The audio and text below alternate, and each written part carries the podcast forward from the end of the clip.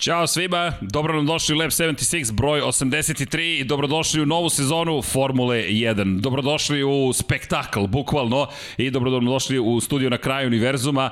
Obično kažemo na početku čuvajte se, mazite, pazite i to ćemo ponovo učiniti, vodite računa jednim drugima, ali mi moramo da krenemo eksplozivno ljudi. Kasnije ćemo pričati o nežnim stvarima. Ludilo u Bahreinu se nastavilo kao i prošle godine. Velika pobeda Luisa Hamiltona 96. u karijeri protiv Maxa Verstappena. Mercedes dobio Red Bull, međutim, kako bi počela sezona Formula 1, da nema kontroverziji i naravno to veliko pitanje ko je koga obišao, po kojim pravilima, ko je stekao prednost, ko nije stekao prednost, obrni okreni na pobedničkom postolju, ponovo Lewis Hamilton na najvišem, na najvišoj poziciji, Max Verstappen ponovo na početku sezone ne može do tog triumfa i na trećoj poziciji, iako je teleskopski bio udaljen, Valtteri Bottas i ogromna količina poena za Mercedes. Mnogo toga se zbivalo, pohvalio bih ekipu Ferrarija, u njima u čast, evo malo crvenih boja, bili su mi dobri u fantaziju, ali da mi krenemo od uh, duela Paja vs Srki, koliko vidim da su već potpisali naši dragi gledalci.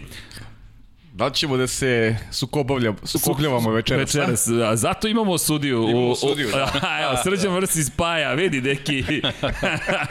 Međutim, sudija je sa naše leve strane, nije Michael Masi u pitanju, no, stari dobri poznati glas i stas, Dejan Potkonjak, deki. Ćao, Srki. Nije moglo da prođe ovo bez, bez još jednog mišljenja, bez tebe. Znaš, suviše je kompleksna cela tema. Da. Michael Masi, Michael, Michael Masi, tako je, direktor trke i dobro nam došao, naravno. Hvala. Sve domaća lica.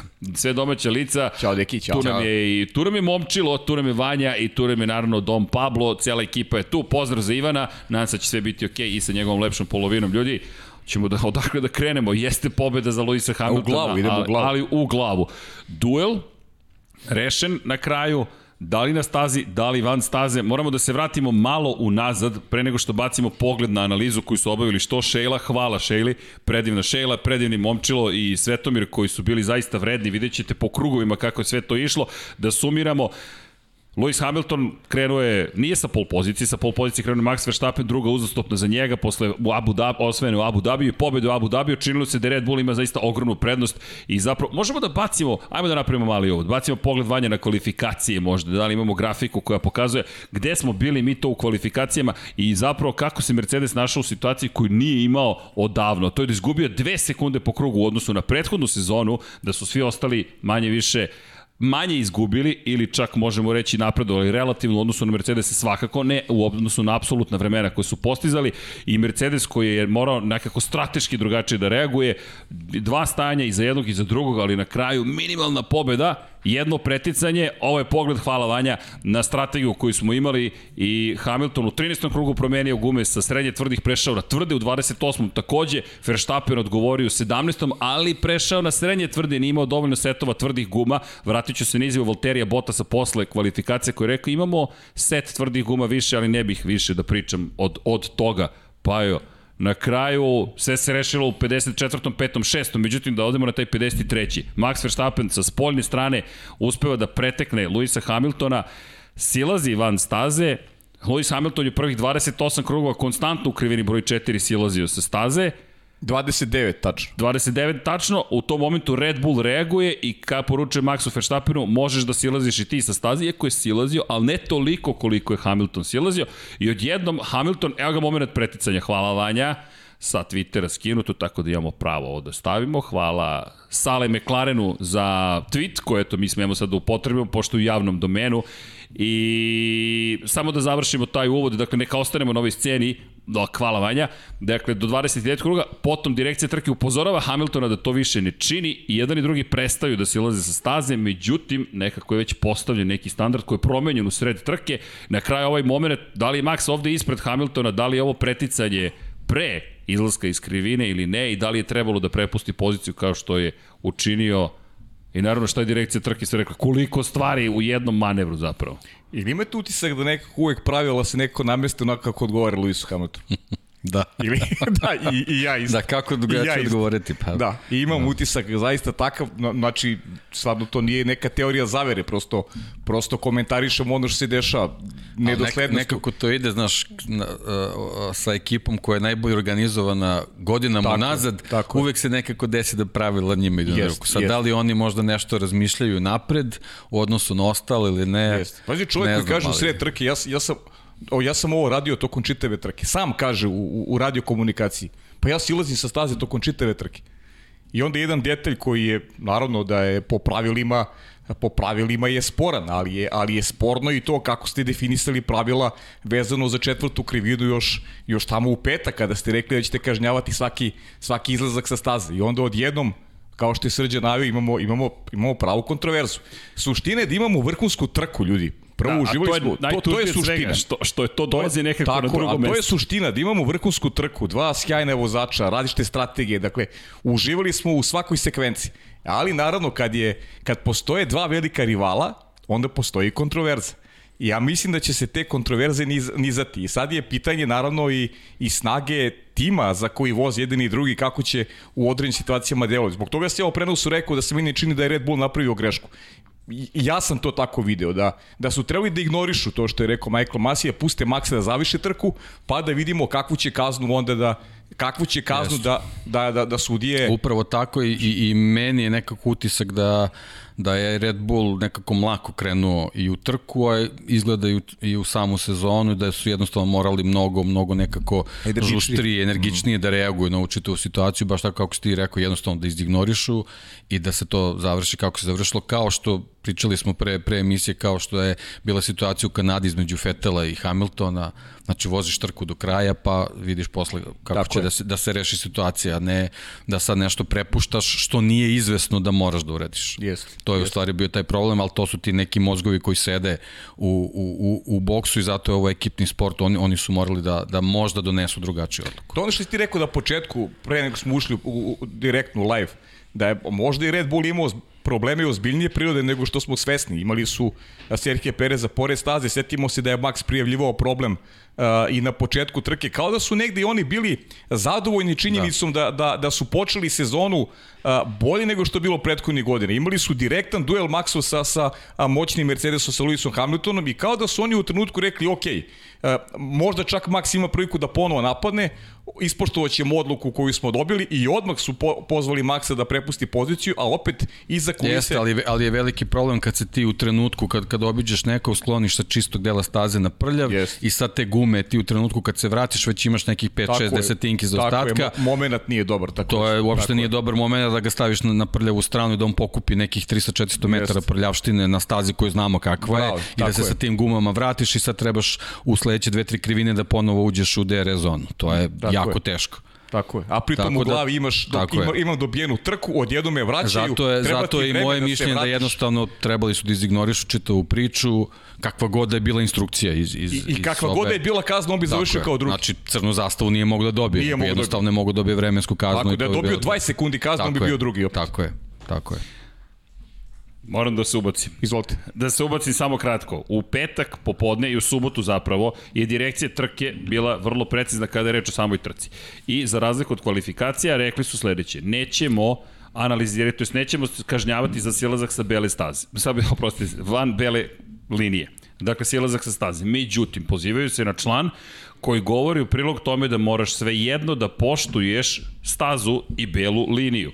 To jest, da ne govore eksplicitno da moraš da poštuješ stazu, nego imaš kontradiktornu sada situaciju. Direkcija trke ti govori, nećemo to kažnjavati, ali i dalje važi član u pravilniku sportskom koji kaže ne bi trebalo da silazite, ne smete da silazite van staze. I ne smeš da stičeš prednost. E sad, e sad da, li, da li je prednost u direktnom duelu ili je prednost ako ti 29 puta siđeš, napraviš uh, tu Bolje razliku 10, uh, desetinku ili dve desetinke i da to u nekom prenesenom zbirnom vremenu 5 sekundi, To je, to, to, je, to, je, to je sad samo stvar tog tumačenja i mene to užasno nervira kad su takvim pravilima u nekom sportu, kakav je visoko tehnološki, kakav je Formula 1, ti imaš pravilo koje nije eksplicitno. Srđan zna koliko me prošle godine nervirala priča sa zelenim zonama u Moto Grand Prix-u, gde se nekako jedno tumačenje koristi tokom trke, a onda to potpuno ne važi u nekom poslednjem krugu, poslednjoj krivini i tako dalje. Znači, to su jednostavno stvari koje, kad je neko u nekom napunu i 100% svojih mogućnosti koristi, da on sad treba da, da tumači take stvari. To jednostavno ne sme da, da bude uopšte slučaj. Znači, jednostavno pravila moraju da budu egzaktna i apsolutno jasna. Jasno. Ok, evo da pročitamo vrlo pažljivo.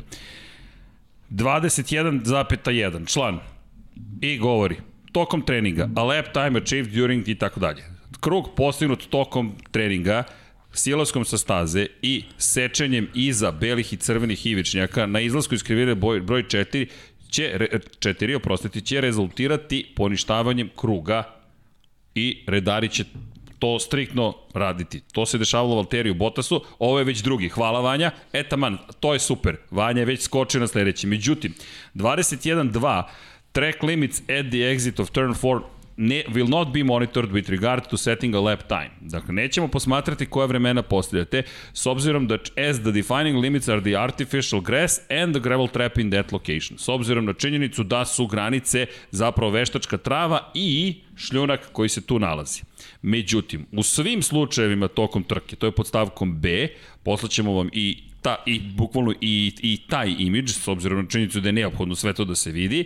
Dakle, piše, u svim, podsjećamo, sve vozače na član 27.3 sportskog pravilnika. Član 27.3 kaže i obeležen je ovde, hvala našem dragom kolegi, koji kaže Drivers must make every reasonable effort to use the track at all times and may not leave the track without a justifiable reason. Dakle, na samom početku člana 27.3 vozači moraju da učine svaki mogući napor da koriste stazu u svakom trenutku i ne smeju da napuste stazu bez opravdanog razloga.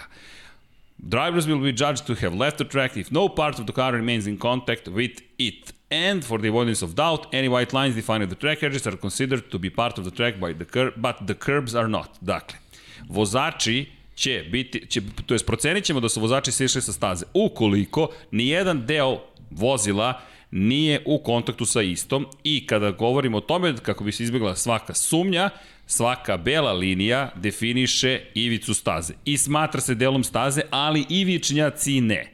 Ukoliko vozilo napusti stazu, vozač može da se vrati na stazu, međutim, ovo može da učini samo kada je bezbedno da to učini i ukoliko ne stekne neku trajnu prednost. Sad, problem je u sledećem. Ukoliko se vratimo na član 21.2, koji govori specifično o trci koju smo imali pred nama, Vanja, evo, poslaću ti A, da, izvini Vanja, uopšte što tog izgovaram. Vanja je brži od munje. Dakle, kao što možete videti, U svim slučajevima podsjećamo vozače na član 27.3. Lewis Hamilton je rekao, ljudi, ja celu trku to činim. I nije samo Lewis Hamilton to činio. Ako pogledamo, svi vozači su silazili sa staze u većoj ili manjoj meri. Čak i Max Verstappen silazio, ono što je razlika, Verstappen jeste ostajao na ivičnjaku. Međutim, čak i u tom slučaju, ovde lepo piše, to je u prethodnoj slici piše, ni ivičnjak se ne smatra delom staze. Red Bull, koji navodi Maxu posle toga, posle 29 krugova, možeš da ideš i šire u toj krivini, a onda se javlja Michael Masi, to je direkcija trke koja upozorava Hamiltona, da bi Masi na kraju trke rekao, izvini što smo rekli da si Masi, daleko od toga, kaže, ne, nismo mi ništa menjali tokom same Nije Deki Masiju ne bi donao ovakvu odluku, sigurno. ne, da, Deki ne, ne bi, ne. Ja mislim da bi svi već ne, u prvom krugu bili kažnjeni ili upozoreni. Ali, pa piše u pravilniku. I sad dolazimo na tu problematičnu situaciju. Masi govori jedno, radi drugo, dešava se treće i na kraju onaj moment Max Verstappen koji pretiče. I sad, Da li je stekao trajnu prednost? Jeste stekao trajnu prednost. U kom trenutku je stekao trajnu prednost? Na izlasku iz krivine, u krivini, pre krivine, na temenu krivine?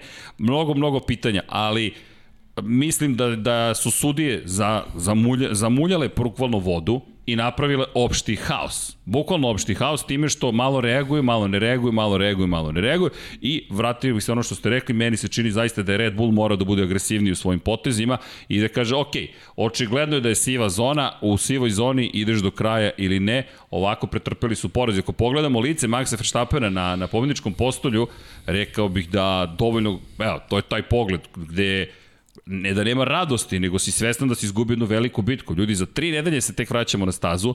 Samo sedam dana ranije Mercedes izgledao u ogromnim problemima, ispostavili su da su bili pravi problemi, ali su nadoknadili to, imali bolju strategiju i došli smo do toga da zapravo pričamo o ome. A, ali imamo još jedan moment koji su mi drage ljudi sugerisali i zaista su u pravu vezano za Maxa i za njegovo sazrevanje. Ono što smo pričali da je iz godinu godinu sve bolji. Reakcija njegova, njegova izjava posle trke. Jako se osjećao tužno i poraženo. Zbog načina koji izgubio trku, izjava je bila fenomenalna. Dakle, ono u granicama sportskog čestitanja nije trunku rekao e, ljud sam zbog ovog ili onog, već i njegov javni nastup bio bio sjajan. Dakle, to je proces koji se odvija u glavi Maxa Verstappena i čini ga e, čini ga velikim. Čini ga sve većim, možda u očima ljudi koji su imali, ja priznam sam da na početku njegovog pojavljivanja imao malo, malo onako neku skeptičan sam bio, ali to i nisam nisam do kraja razumevao činjenicu da je to i suviše mlado biće da je potrebno vreme da on procesuira sve ono što, što mu se dešava, sve ono što mu se dogodilo i sad dolazimo do, do jednog momenta gde pokazuje, gde pokazuje punu zrelost i jednu trku koju odvezao, misli da niko ne može da pare Lewisu Hamiltonu danas u šampionatu Formule 1 kao što može Red Bull, kao što može Max. I da ćemo do kraja gledati ovakve bitke, siguran sam. I upravo to, mislim, ono, neki skraćeni zaključak čitave ove, ove tvoje priče, tvog, tvog nekog zaključka je da jednostavno sezona je duga Yes. I nije ovo, ovo sad nešto zbog čega treba, znaš, kao sad jako teško sve shvatiti, ali jednostavno ja, ja se samo okrećem na taj način da, da pričam o nekom spektaklu koji se tako pokvari nekom, nekom situacijom koja jednostavno nikome nije jasna. To je u stvari, yes, to je, to je pravi problem. Mi smo Lab 76, jedan odaje priznanje Yukiju Tsunodi, jedan Ferrariju, jedan Ne znam ja, ne, kome. Ja sam, ja sam, ne, ne znam kome, ja sam ali... uz onako znak podrške, onako da im krenu Podrška bolje. Aston Martin, da, da, da, malo da bude, da bolje. bude bolje. da. I mi ćemo brati pažnju na spektakl. A hvala momčelu još jednom i Šeli, ljudi, mi smo imali pravi spektakl. Da, moramo da krenemo od kontroverze. Tu nema pravog odgovora, pogotovo pa kada su navijačke strasti u pitanju, svako će videti ono što... Pa mislim da smo i dovoljno rekli u krajnjem slučaju, da ali, smo dovoljno rekli ljudi, na tu temu. samo sudije, kada bi prestale da budu zvezde, veće od samih zvezda, mislim da bi bilo spektakularno do samoga kraja. Ali, da pa kad bi bilo manje politike u svemu, u sportu Aj. generalno, ovo je opet politika. Da li je, da, opet dolazimo da u sferu politike, a, a nema potrebe da, da previše polemiše. Ali da vidimo ono što su bili vozačke veštine i da bacimo pogled, možemo da krenemo kojim god redom hoćeš Vanja, hoćemo od Šejline grafike. Ajmo da vidite šta je Šejla pripremila. Hvala Šejli još jednom. U gornjem uglu vremena Luisa Hamiltona, u donjem Maxa Verstappena i ispod njih su razlike između Hamiltonovih i Verstappenovih vremena. Fenomenalna grafika, hvala još jednom. Za one koji eventualno ne mogu da vide, ispresecane žute boje su za stare pneumatike, prosto koji su korišćene već bile, to sa leve strane ih možete videti, žute, baš čisto jasna žuta boja. I imate onaj period kada se zapravo roze bojom su obeležene ne gume, već krugovi u kojima Lewis Hamilton je na novim pneumaticima, a prati ga Max Verstappen. Imaćete sjajnu priliku posle da vidite i Momčilovu grafiku, kako su to priredili Svetomir i Momčilo i kako to izgleda. I možete videti kada je reč o intervalu, koliko Hamilton uspeva da nadoknadi kada je na novim pneumaticima. Novi pneumatici daju ogromnu prednost. Ogromnu prednost. I to je ta igra sada koja je počela već zapravo u petak. Zašto u petak? Imate ove godine, nemojte zaboraviti, dva seta ponovo, po dva seta tvrdih guma, po tri seta srednje tvrdih i imate sedam setova zapravo, prostite, osam setova mekih guma. Ukupno 13 po vozaču. Šta je Red Bull učinio? U pripremama je potrošio jedan set tvrdih guma. Mercedes to nije, Valtteri Bottas je rekao to u subotu, to smo rekli u uvodu, imamo set tvrdih guma više. I ovde se može vidjeti koliko je zapravo, ako bacimo pogled ponovno na šeljenu grafiku, morao Max takođe da nadoknađuje, čekajući. Hamilton je u 21. krugu prešao na novi. Pogledajte opet tu razliku i onda prelazak na poslednji set tvrdih guma kod Maxa Verstappena. Možemo to da vidimo još bolje, to je bolje, ne znam šta je bolje, fenomenalno, inače srednja vrednost kao što možete vidjeti je žuto isprekidana crta koja govori upravo tome koje je prosječno otprilike vreme, ali apropo onoga što si Pajo rekao za Maxa i pa i za Hamiltona, mi smo videli suštinski masterclass jednog i drugog. Ljudi, oni su oduvali konkurenciju i kada pogledamo koliko su konstantni ovi krugovi, to rade svetski šampioni. Hamilton do sada nije imao čak ni priliku nužno da nam pokaže koliko može, zna, mora, s obzirom na činjenicu da je imao konkurenta koji nije ni dorastao ovome što se koji dešava. Koji mu nije konkurent. Nije suštinski konkurent. Sada uz konkurenta smo mogli da gledamo jednog i drugog, jer ono što je meni bilo briljantno jeste kad gledaš za koliko malo nadoknađuje Max. I nadoknađuje Max, a potom i kako se na kraju brani Hamilton. Jedan i drugi su odvezli ne, neverovatne trke. Jeste, pa mislim nije Hamilton slučajno najbolji svih vremena. 96 pobjeda. 96 pobjeda, misli, to je jasno kao dan, ali dobio je pravog rivala i Zato o, smo hvala Vanja. Pogledaj ovo. Da. 96. pobjeda Hamilton, Schumacher 91, Sebastian Vettel, ako pogledate sa desne strane ko su aktivni vozači, obeleženo je Vettel 53 triumfa, ljudi oni dalje vozi, Ali, koja je bila teška trka. Znaš šta mi još utisak, uh, utisak trke? Da je Mercedes u starta znao šta hoće da su imali jasnu strategiju, da, da, Od petka. da meni Red Bull nije delovao kao ekipa koja unapred zna a, šta im je činiti. Stekao sam utisak, makar je to moj utisak bio, da, da, da su se prilagođavali situaciji. Tako se meni učilo. Nisu oni bili ti koji povlače potez, već su čekali potez rivala i e, kasnije kada sam odgledao ponovo trku, čini mi se da, da je Red Bull možda promašio sa Da, strategijom. i sve što su radili nije bilo efektno. Da, e, lako je, naravno, lako je pametovati naknadno, ta naknadna pamet, to kad bi imali to, gde, gde bi na svima bio kraj, ali, ali je Red Bull, mislim, trebao da povuče potez sa Maxom o, paralelno sa Luisovim već u sledećem krugu, da imaju, da imaju, e, da imaju ravnopravnu, po znacima navoda, trku, da imaju strategiju koja im je e, približna. Ja sam u jednom momentu pomisli da možda Red Bull želi na meke gume. Pa onda kako je vreme prolazilo, shvatio sam da jednostavno e, ne, nemaju domašaj, ne mogu da stignu e, do Luisa Hamiltona sa tom strategijom. Da, a tu smo na to se ja napravio grešku kada je reč o zabeleškama. Zapravo na kraju se ispostavilo da nije ni imao novi Nije ni set imao, da, guma. da, tako imao je je. samo stare potrošene gume. Ne zamerite, to je lapsus se dobro. desi u pripremi, Brzo, dešava brzina, se. brzina. Ali činjenice da nije ni imao gume. Međutim, nije imao čak ni tvrde gume i to je ono što je poseban problem. I Vanja, možemo da bacimo pogled na Pirelijevu planiranu strategiju pre početka trke. Mislim da je to mnogo zanimljivo, s obzirom na činjenicu da negde odgovara onome što si ti pričao. Bratite pažnju na izabranu strategiju broj 1, za koju su smatrali da je najbrža.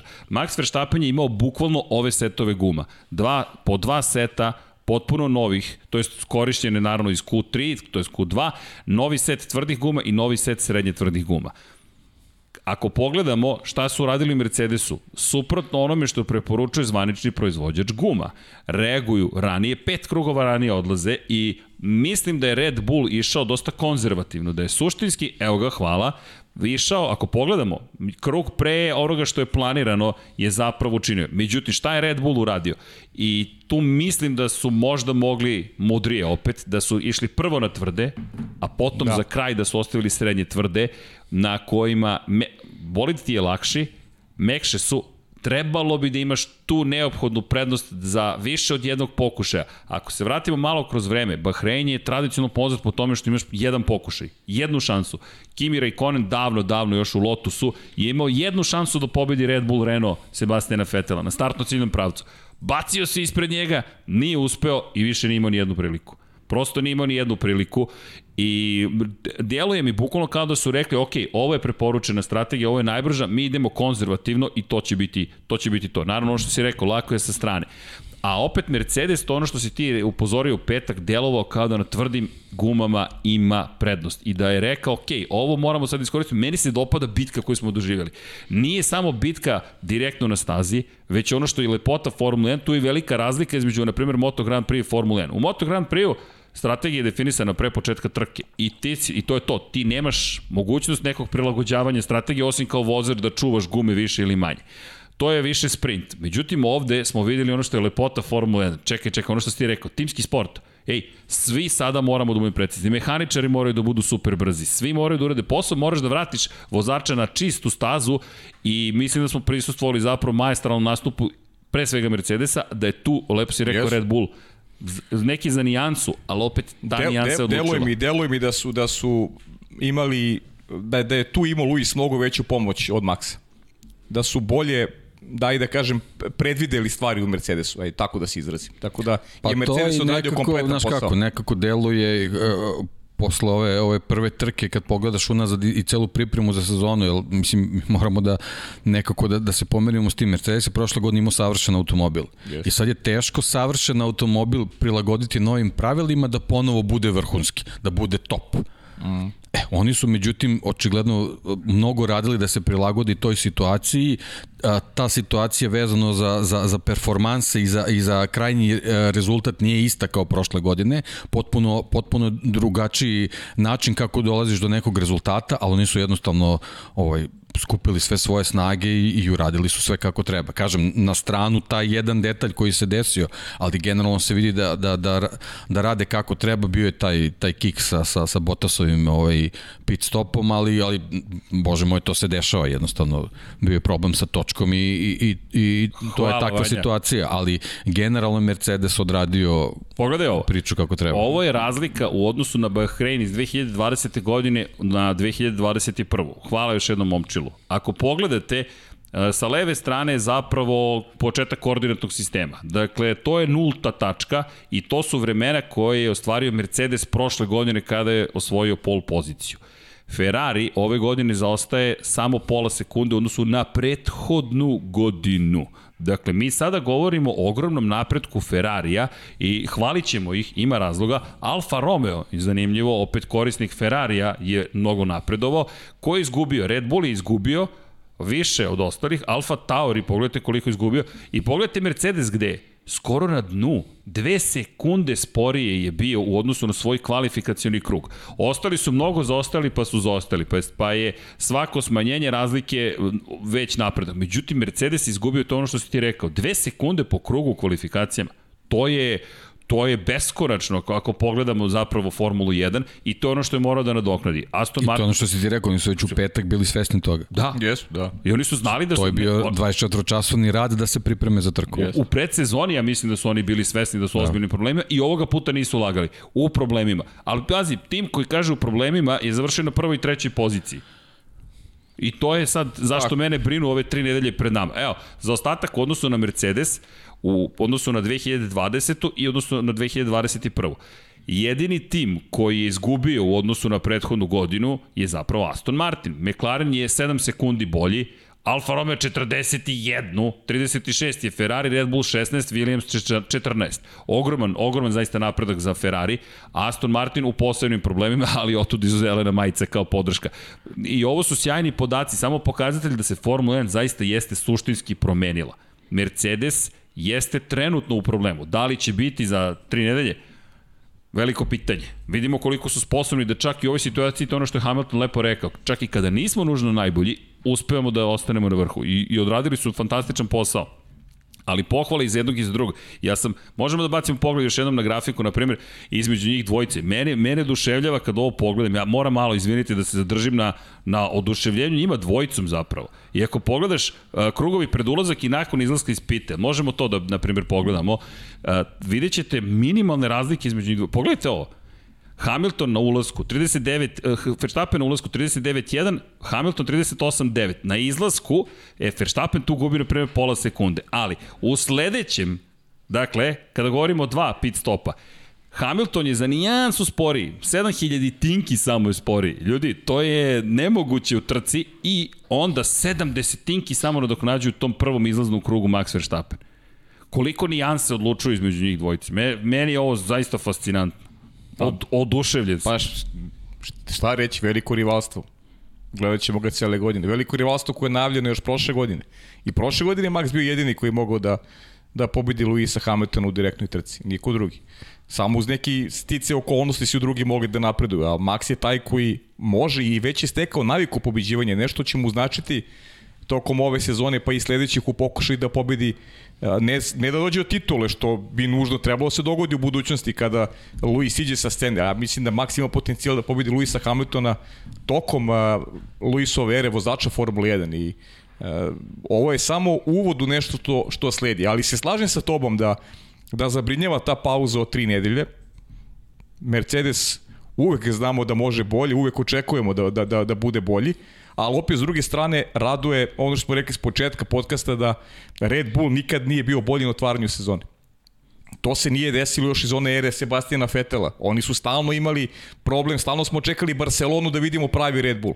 Znači imali smo četiri trke koje su oni e, po znacima navoda davali fore rivalima, pa su tek onda ulazili u igru. Oni su sada u igri od početka godine. I to je nešto što je što je To treba bude ohrabrenje za njih. Kako ne, to je da. veliko ohrabrenje. I sad se vraćamo na Serhije Pereza. Dobro, imao je tehnički problem, ali kakva bi trka bila da je Sergio Perez bio u drugom startnom redu? Šta bi se tu dogodilo? Znamo da je Sergio dobar na startu, znamo da Sergio može da, da uradi Da, ali kvalitetan prosto je nevjerovatno tri trke u Bahreinu da, da mu se dešavaju iste Jes, stvari. iste stvari, da, nevjerovatno. On je posle pobede sledeću trku je isto parkirao gotovo na isto mesto je stao gde, je- gde je stao jest. sad, mislim, baš je onako stvarno neverovatni pehovi, ali on, on je ponovo pokazao da je jako staložen u Peta toj pozicija situaciji, da, kraju. da, da može ovaj, Jest. prilično mesta nadoknadi.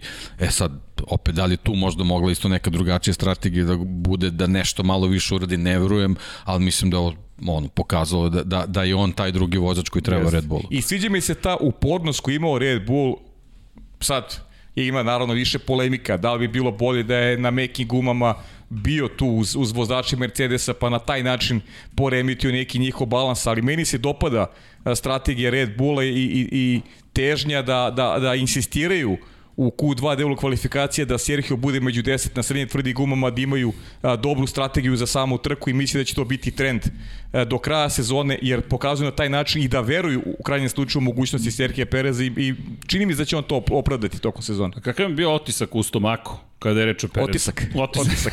u stomaku, da, da, otisak, Otisak, Pirelija. mo, otisak, otisak Pirelija.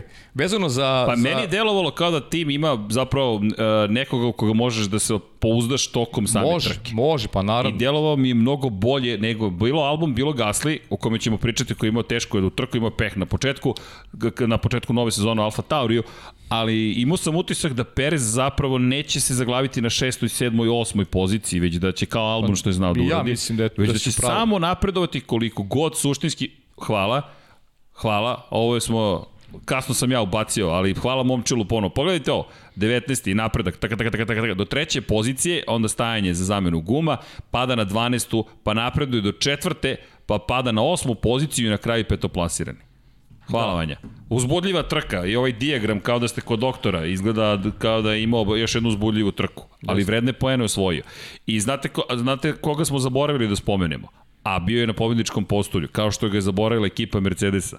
Valterija Bottasa. Ljudi, nismo spomenuli čoveka koji ima najbrži krug trke na kraju. Da, imao je to stanje od 10 dodatnih sekundi, ali Vanja, ako možemo baciti pogled na, na, na, na strategiju, Valtteri Bottas se žalio posle trke, rekao je da je da traži više od ekipe Mercedesa, da u momentu kada treba da budu agresivniji, oni su defanzivni. Pa ne samo to, ni očigledno problem sa bolidom, to je, to je sugerisao jasno i, i ona prva dva treninga u petak, pravio mnogo grešaka, žalio se da, da, da, da se ne osjeća dobro, da ne upravlja tim bolidom kako želi, tako da je treća pozicija, rekao bih, uh, onako više zahvaljujući tome da je da je Sergio Perez imao loš start. Mislim da ovakav uh, Bottas ne bi mogao da pobedi Sergio Perez. E, Da su da da da su, da je Perez nije, nije imao taj peh koji imao. Da je krenuo iz 11. pozicije Perez mislim da bi uhvatio Bottas. Uhvatio po znacima navode. Tako da uh, Bottas uh, stara priča. Ne, nekad smo možda zaista se ogrešimo od tog momka, jer zaboravljamo da ima timskog kolegu koji je jedna kategorija njemu nedostižna. Kao što mislim da je da je Max Verstappen za, za, za, Ser, za Serhije Pereza takođe jedna kategorija nedostižna. I da je to taj duel koji ćemo gledati između Serhija Perez i Valterija Bottas jako značajan u borbi za, za konstruktorsku titulu. I, I tu čak vidim prednost Red Bulla u odnosu na, na ekipu Mercedes. Da, mi je zanimljivo ovo, izvini, Bottas je praktično pratio, pokrivao sve što je Hamilton radio, imao je to stanje u 10 sekundi, ali ono što je meni tu zaista važno u celoj priči jeste njegove, jesu njegove izjave. I nje nezadovoljstvo čak se vidi u jednom momentu da ga je Toto Wolff prekinuo tokom proslave ekipe Mercedesa u, u razgovoru i Bottas koji je vrlo neraspoložen i čak i Wolf rekao razumem Bottasovo nezadovoljstvo. E sad, ukoliko Bottas, a priča se već o tome da bi George Russell mogao da dobije ugovor za 2022. Čak jedno od pitanja pred početak trke Russellu direktno bilo upućeno za 2022. Ako pritisak sada već kreće, ako je ovo poslednja stanica, ako je ovo poslednja prilika, da li će Bottas početi da talasa i da kaže ok, jer ovo jeste nešto nesvakidašnje. Bottas koji direktno se obraća Wolfu u medijima i ekipi Mercedesa i traži više. Odlično razmišljanje, samo što ja mislim da se to neće dogoditi. Da, ovo deluje kao da je situacija koju smo već videli, žalit će se i šta onda. Ali meni se i dalje dopada. Ma, tražili smo njega da pokaže stav. Evo ga stav. Da, pa dobro. Evo ga stav. Okay. Imaju par navrata tokom i tokom prošlosti da da se kod njega videla neka reakcija, ali mislim da se da se to neće dogoditi ipak, nažalost. Ljudi, ako bacimo pogled na stanje u šampionatu, šta ćemo videti? Posle Botasa u naranđastim bojama Lando Norris i McLaren Mercedes. Kakva spektakularna trka kada sve saberemo i oduzmemo zapravo za McLaren koji se prilagodio novom motoru, moraju da upotrebi sve, oba tokena zapravo razvojna za usklađivanje sa novim motorom, nisu mogli da menjaju mnogo toga, potvrda koliko je ta šasija prošlogodišnja bila zapravo dobra, ta M35, to je CL35, koliko je dobra, sada M ima oznaku, ali McLaren koji je potvrdio da, da treba ozbiljno da računamo budućnosti na njega. Da, nekako i dalje stojim pri onome što smo rekli, neće moći protiv Mercedesa, mislim da smo to ponovo videli, da se jasno vidi razlika između fabričkog tima i korisnika, međutim sve pohvale za Landa Norisa, neću reći da je bio nevidljiv tokom trke, ali toliko pečatljiva vožnja da režija ga praktično nije ni prikazivala. Ako pogledaš, najmanje vremena su zapravo imao čovek koji je na kraju bio četvrti. Pa da, uvek se desi tako neka trka gde imaš nekog vozača koji ono, iz neke da. senke ovaj, dođe do rezultata, ali jednostavno on ima sjajan tempo, žao mi je što, što Ricardo zbog, na kraju su ustanovili da ima neki problem ovaj, na, na podu poslovnog kontakta sa, sa Gaslijem, možda, možda tu mo, mogla mnogo bolja ovaj mnogo bolje izdanje McLarena da vidimo, ali i ovako mislim Lando je stvarno pokazao ono zaista da, da, da umeju da koriste potencijal toga, toga automobila i ono, ja jedva čekam neke druge staze da vidimo kako će tu McLaren, McLaren da se pokaže. Ja ih vidim već sada kao najozbiljnije kandidate za to treće da. mesto konkurencije konstruktora. Hteli smo da vidimo kako funkcioniš u saradnji sa Mercedesom, dobili smo odgovor bez ozira na probleme Ricarda. Opet Lando Norris otvara godinu Da, ako prva trka možda bude pokazati možda, to, to. Pa dobro, to, da, to, da. neke smernice možda nam da. Čini mi se da, da, da je McLaren zaista bio na onako upečatli vrlo i svaka čast. Ljudi, to je pozicija koju su zauzimali na kraju prethodne trke u 2020. Pozicija broj 4 za Norisa, Sainz je bio na poziciji broj 5 u McLarenu. Da. Tako da je ovo, ako možemo, re, ne, može, ne mogu da kažem status quo, ne možeš da promeniš ceo motor, iako si dobio jači motor, i da ostaneš na istom mestu, pogotovo kada vidimo da su se neki su korisnika, da svi su svi bolji. su bolji. Osim, ako pogledaš, Aston Martin je u problemima i Mercedes je u problemima. Pa da, Aston Martin je i prošle godine, onako, ne možemo reći da je počeo baš perfektnu sezonu, tako da, ja mislim da će oni biti vremenom bolji, zaista. Pa ne, nema, ne, ne, ne sumnjam uopšte u to. Tako nema da. sumnje, mada je Vettel, moramo da iskoristimo Jest. priliku da kada već spominja Aston Martin imao katastrofalnu trku. Jest. Loše kvalifikacije, 18. pozicija, početak jedne nove ere praktično. Hvala Vanja. Dakle, pogled na, na, na, na poredak gde nema Ako pogledate, nema Sebastijana Fetela. To smo očekivali. Lance Stroll osvojio taj jedan poen i dođemo u situaciju da je 18. na startu dobije kaznu, dvostruke žute zastave ignorisao, već je tu dobio tri kaznena poena, onda udari Esteban Okona u trci pa dobije dva dodatna kaznena poena, sada ima pet kaznenih bodova. Sebastian Vettel tek je započeo svoju karijeru u novoj ekipi i mnogo se očekivalo na kraju vrlo malo dobilo od Sebastijana Fetela. Da, ako veteran može, da, da ga da zovemo veteranu, može dobije neki pritisak, onda, onda to bez sumnje to.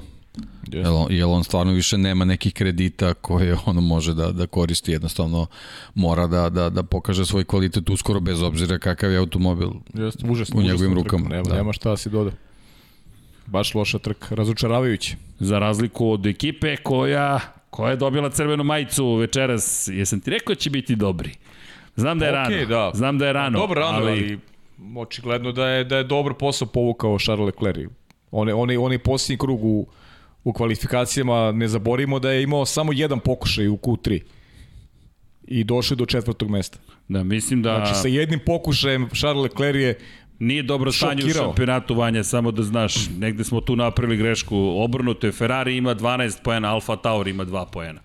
I isto, Molim te, nemoj da kao, kao što kaže Deki i za Ferrari čekamo isto na nekim drugim stazama da vidimo da li da li mogu možda i više, da li mogu do, do nekog do nekog triumfa ove godine. Za sada deluju zaista zastrašujuće moćni Red Bull i Mercedes. Deluju kao ekipe koje je nemoguće pobediti. Pa mislim da smo dobili potvrdu onoga što smo i govorili, da Ferrari jeste napravio korak u napred, ali da, da će se zapravo boriti za poziciju broj 3 u šampionatu konstruktora. Tako je, tako je. Da, da napravio korak u napred, ali deluje mi da je Mercedes, da je McLarenu malo, malo veći. I, i meni tako da. deluje. I meni, tako i meni da, tako. da imaće oni tu još dosta posla jest, da, da jest. da, da, da, da dotari to baš na, baš na taj nivo, ali ono, napredak je tu, mislim, ne, ne možemo poredimo sa prošlom sezonom, stvarno. Dva vozača u, da, u poenima da, na ovoj da. I u Q3 direktno, to je prošle godine postalo jednom momentu gotovo nezamislivo. Ali kažem, malo šala, ali izbilja, Ferrari jeste napravio ozbiljan korak u napred. Prvo ima bi i, i trećeg, verovatno, ima bi i Đovinacija da nije bilo ono gostinje 10 sekunde u, u pit stopu. Ja mislim bi Đovinacija bio među 10 znači, sigurno. Đovinacija na kraju poziciji 12 iza da. Kimira da. i Konena. Međutim, polako li sigurno se približavamo čoveku koji nas je kupio maksimalno, nećemo baš preskočiti Daniela Ricarda, samo potvrdimo sedma pozicija za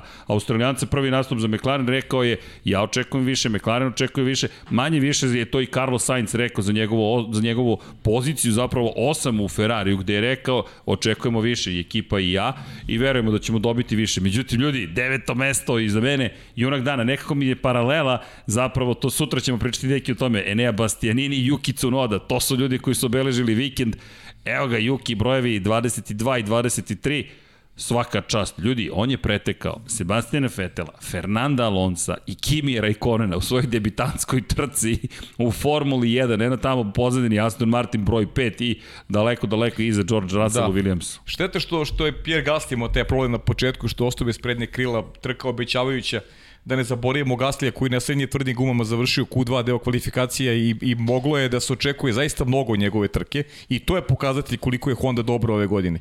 Iz pozicije Gasli, meni Gasli bio nemogući dobar. Ja sam čak Gasli vidio na podijumu možda u trci. Nije nemoguće. Nestvarno šta je čovjek uradio tokom treninga, kvalifikacija i onda taj peh i onda dobijamo Gaslija nema i dobijamo Cunodu koji u svojoj debitanskoj trci sve što si naveo zaista impresivno čemu možda razmišlja jedan dečak koji se pojao u Formuli 1, pobedi tri svetska šampiona u debitanskoj trci, pritom odradi perfektan posao. Ne znam da li jednu grešku napravio momak za, za sat i Ne samo to, njegovim rukama automobil stvarno delovao veoma Tako upravljivo, je. njegova komunikacija prilično ozbiljna bila. Sjedi se petka U današnje treninga. vreme je jako teško komunicirati i voditi računa o svim parametrima koji se yes. nalaze u automobilu, on se izgleda super prilagodio čitavu priču i stvarno sve čestitke. Mislim, ne, nemam, ne, ne, ne postoji neki element gde možda pronađeš neku zamer koja kažeš, e, ovo je možda moglo bolje. Ne, apsolutno, za prvi da. nastup, za, za debi, stvarno, stvarno onako impresivno bilo skeptičan sam bio kada je bio drugoplasiran i u predsezonskim testiranjima. Sve pomisliš, ok, ostali su se Da, vukli, to nije kao nek, to neki to. parametar. Da, I odjednom da, da, Yuki Tsunoda, koji pa, inače... Trka je parametar, trka tako je parametar. Ali ljudi, manevar koji on izveo na kraju trke, na kraju trke, kada se on bacio bukvalno, Bukvalno se bacio čovek ispred Lensa Strola i oteo tu devetu poziciju i dodati poen za Alfa Tauri i jedan od najlepših momenta. MC pretekao sve moguće šampione i jedino Hamiltona od aktualnih šampiona, to od ljudi koji imaju titulu prvenstvo sveta trenutno na stazi nije pretekao, sve ostale ostavi za sebe i na kraju negde sa, ja ne znam, 30 metara za ostatka ti se bacaš pred Lensa Strola koji ima Aston Martin Mercedes koji te ne očekuje i u temenu krivine ti si pored njega i Stroll koji kaže okej. Okay puštam. Znaš kako, trebaš da budeš samouveren i da stvarno veruješ automobil. Oči, očigledno da je da je ovaj Alfa Tauri dobar automobil, dobro pripremljen za ovu sezonu, tako da vidjet ćemo. Stvarno, žao, žao i meni ovaj, zbog, zbog Gaslija, jer, jer znamo ovaj, kakvi su njegovi potencijali, tako da tu, tu se pojavljuje priličan broj automobila za, za, za taj neki srednji deo mhm. karavana, tako da mislim da će biti zanimljive trke, posebno na nekim stazama koje, koje imaju neke malo i brže krivine i da vidimo kako će tu svi da se snađu. Posebno Imola kad dođe i tako, nešto slično. Da. Vidjet ćemo. Alfa bi mogla da se umeša u baš onako borbu za visok plasman konstruktorski. Nešto što smo pričali, sedmo mesto smo pričali, sećaš se, ja sam pomerio tu granicu, mogli pa bi evo, da budu onako faktor X ove sezone. Šampionat konstruktora, malo nam se šlogirala grafika, ali bez obzira na sve to, ako bacimo pogled ponovo nju, ne brini Vanja, freestylovat ćemo preko nje, Ferrari ima malo više tu poen, malo, ma, malo se šlogiralo da, da, nešto, da. ali, ali nema problema. Činjenica je da u celoj toj priči je Oba Ferrari dva oba vozača su završila trku. To Tako je, i to u poenima, 6 i 8. A, to dvojka. dvojka. ok, može. Ali činjenica je da, da nešto se ovde... Ove, mislim da, da... A, shvatio sam. Red Bull Racing Honda je upala u sledeći red. Čisto da znaš gde se desio problem. Red Bull pa Racing Honda je upala. Po, pozdrav, imamo u grafičkom odeljenju disleksičnog kolegu, ali mi ga obožavamo i nije nikakav problem, sve mi pravimo. Ovo je naša greška, ja nisam prekontrolisao. I Aston Martin Mercedes je pobegao negde. O, baš se zbunila ovde grafika. Ko radi, Ko radi, Ko radi taj, taj greš. ok. Slušaj, ako ne radiš, ne možeš ni da pogrešiš. Tako je, ali nema to, mi nemamo problem sa time, makar smo iskreni, ali ono što jeste tu poenta kada govoriš o šampionatu konstruktora, pročitaću Mercedes koji vodi sa 41 poenom, Red Bull 28, McLaren 18, Ferrari 12, Alfa Tauri 2 poena i Aston Martin taj 1 poen. I onda iza njih Alfa Romeo, Alpina, Williams i Haas koji nemaju niti jedan jedini poen i tu štrči jedna ekipa što se nas tiče, Alpina koja nije smela da se nađe u ovoj situaciji, da, Okon je imao taj incident, međutim Okon loš u kvalifikacijama, žute zastave su ga omele, bez obzira na sve to, sjajan i dalje nastup Fernanda Alonsa. Ajmo da spomenemo Fernanda Alonsa, iako nije osvojio poene, za mene je jedna od lepših vožnji. Ne mogu da kažem vožnje dana, vožnje dana mi pripada što Hamiltonu, pre svega kao pobedniku, što zatim Maxu Verstappenu za ono što je prikazao, što je šampionska vožnja i Yuki Tsunodi, ali Fernando Alonso, ljudi... I Lando Norris, sad možemo Dobro, tako krenemo ne, da ne, ne, nabrajamo. Ne, čekaj, čekaj, ali, da, da, ali, ali, Da. ali Fernando posle Da. dve godine pauze je ušao u I, Q3 I ne direktno. smemo zaboraviti posle povrede Tako je. u zimskom periodu. Čovjek je imao maltene operaciju vilice, tako da, Da. to je To- u tim godinama vratiti se posle par nedelja. Dobro, i njegove izjave su da. Da. meni bile dobre. Posle kvalifikacije, kada su mu rekli da je na osmoj poziciji, na devetoj poziciji, ok, preteći ćemo ih sutra na startu. Ta samouverenost, to mi je nedostajalo, moram priznati, i lepo je bilo vidjeti da imaju brzinu, e sad pouzdanost tu još ima očigledno posla. Ma ima na, na tom kočnica. automobilu ima Da. do, dosta se radi, nažalost. Ja sam mislio da će malo spremniji ući Ja u mislio sezonu. da će bolje, da. Iskreno, ne, ne mislim sad zato što je auto, automobil bio lep na, na promociji ne, to, naravno. nego stvarno sam mislio da, da će ovaj ozbiljniji ući u čitavu priču, da će on malo taj tim da, da, da, da podigne. E, onda možda je malo i problem dolazak Brivija koji isto treba ovaj, da, da se prilagodi na čitavu situaciju, ali nadam se da, da će tokom sezone to, to delovati mnogo bolje, iako sam sad mislio da, da će za koji procenat biti bolje nego što jeste. Isto, isto. Ja priznajem sam od Okona očekivao više od ove trke da će se naslani na ono što je bio kraj prošle sezone, ali loše izdanje za Alonso se slažem. Za, za neko ko dugo nije bio prisutan, debitans, debitanska trka, novi debi, jako dobar i neka nastavi tako, nadamo se ćemo li biti još bolji. Da će ekipa da raste iz trke u trku, Ma, ljudi- da će Alpina biti tu gde treba da bude. Pogledaj koliko priča samo u prvoj trci, da mi, mi možemo da posvetimo još 45 minuta samo o bici za prvu poziciju. To je beskonačna analiza može da se vodi, a, a kamoli ostalima, a nismo se ni dotakli toga što je, na primjer, Alfa Romeo bila 11. i 12. 11. 12. pozicija posle trke u kojoj su mogli i do bodova. Na Đovinaci jeste imao problem, Raikkonen nije izgledao loše, naprotiv Alfa Romeo, o tome smo pričali, očekujemo taj skok takođe u napred i kada pogledaš, bit će vrlo napeto osvojiti poen u šampionatu konstruktora, Pa bit će gotovo po nemoguće. Alfi, po Alfi se vidi da je bolja sa Ferrari novim agregatom da bolje funkcionišu stvari. Ja sam ubeđen da bi Đovinaci bio među 10. Da nije bilo te greške ovaj, što je ostao 10 sekundi na promeni pneumatika. S druge strane Kimi Rekonen, Kimi ko Kimi je jedna trka onako u skladu sa onim što su, što su neke trenutne mogućnosti ekipe. Prosto, e, znaš šta, ove manje ekipe biće u većem fokusu kada ovi veliki budu pravili greške. Re, realno nije bilo, nije bilo veliki grešaka na ovoj trci. I generalno dobra trka. Sad sa tim, eto, tim problemom koji imao Sergio Perez e, na početku, e, velikani su završili trku kako treba, negde u skladu sa nekim realnim mogućnostima trenutnim. Nije tu bilo nekih velikih momenata Pa ispadanja kad pogledaš iz trke ako, ako ili je rečemo priča o Mercedesu i Red Bullu Red u Bull, ovoj tako je. sezoni, uh, Ferrari, Perez je, da kažeš, da. eliminisan već, već pre, pre starta same trke. Bottas imao taj problem od, od, od dugog stajanja u boksu, a opet ga niko nije, da kažeš, ugrozio Jeste, na, neki ozbiljniji način. Pričam iz, iz, iz perspektive sad Alfa Romeo. Pa da, ali kažem, niko, i niko kad čak ni to nije iskoristio. To za Alfa Romeo ne znači neku prednost, ali... Da.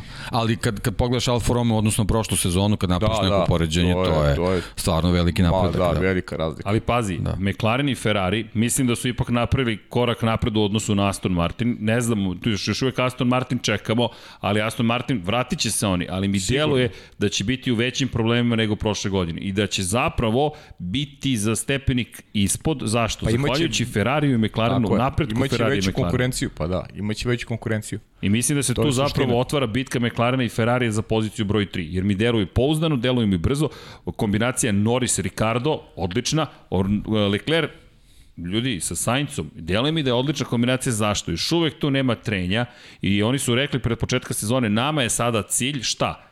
Zapravo prevashodno da ekipu Ferrari vratimo u sam vrh.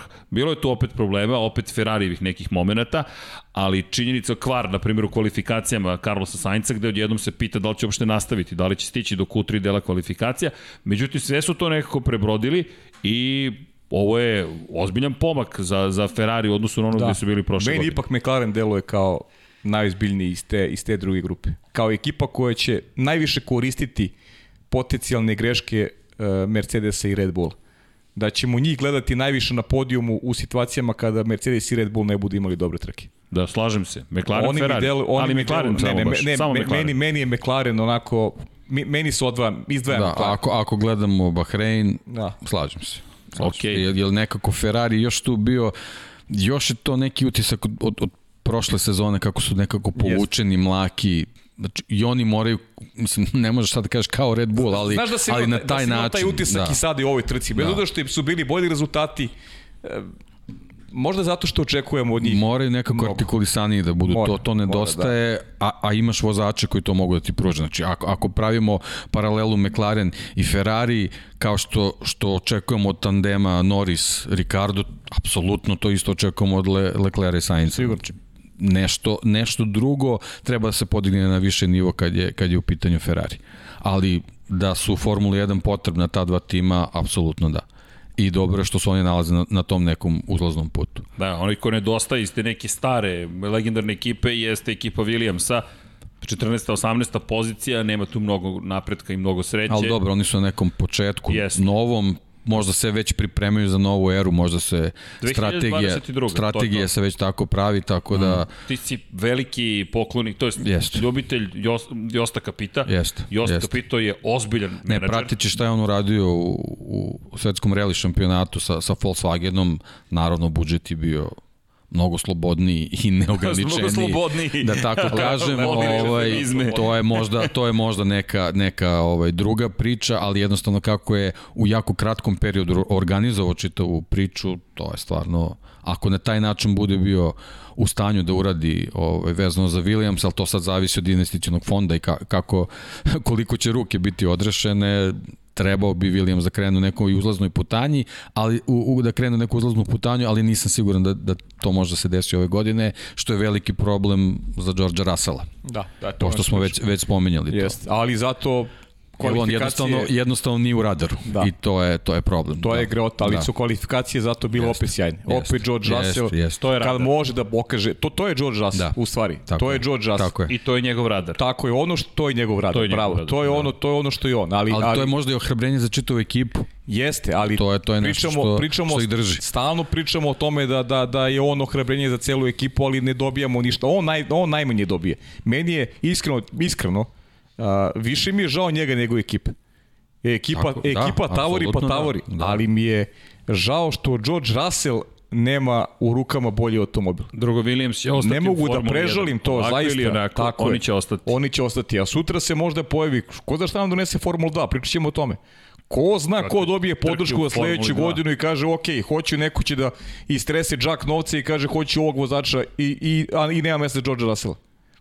To može se desiti kako, teoretski. pošto znamo kakva je njegova relacija sa Mercedesom, može se desiti da Williams sledeće sezone menja agregat. I tako je.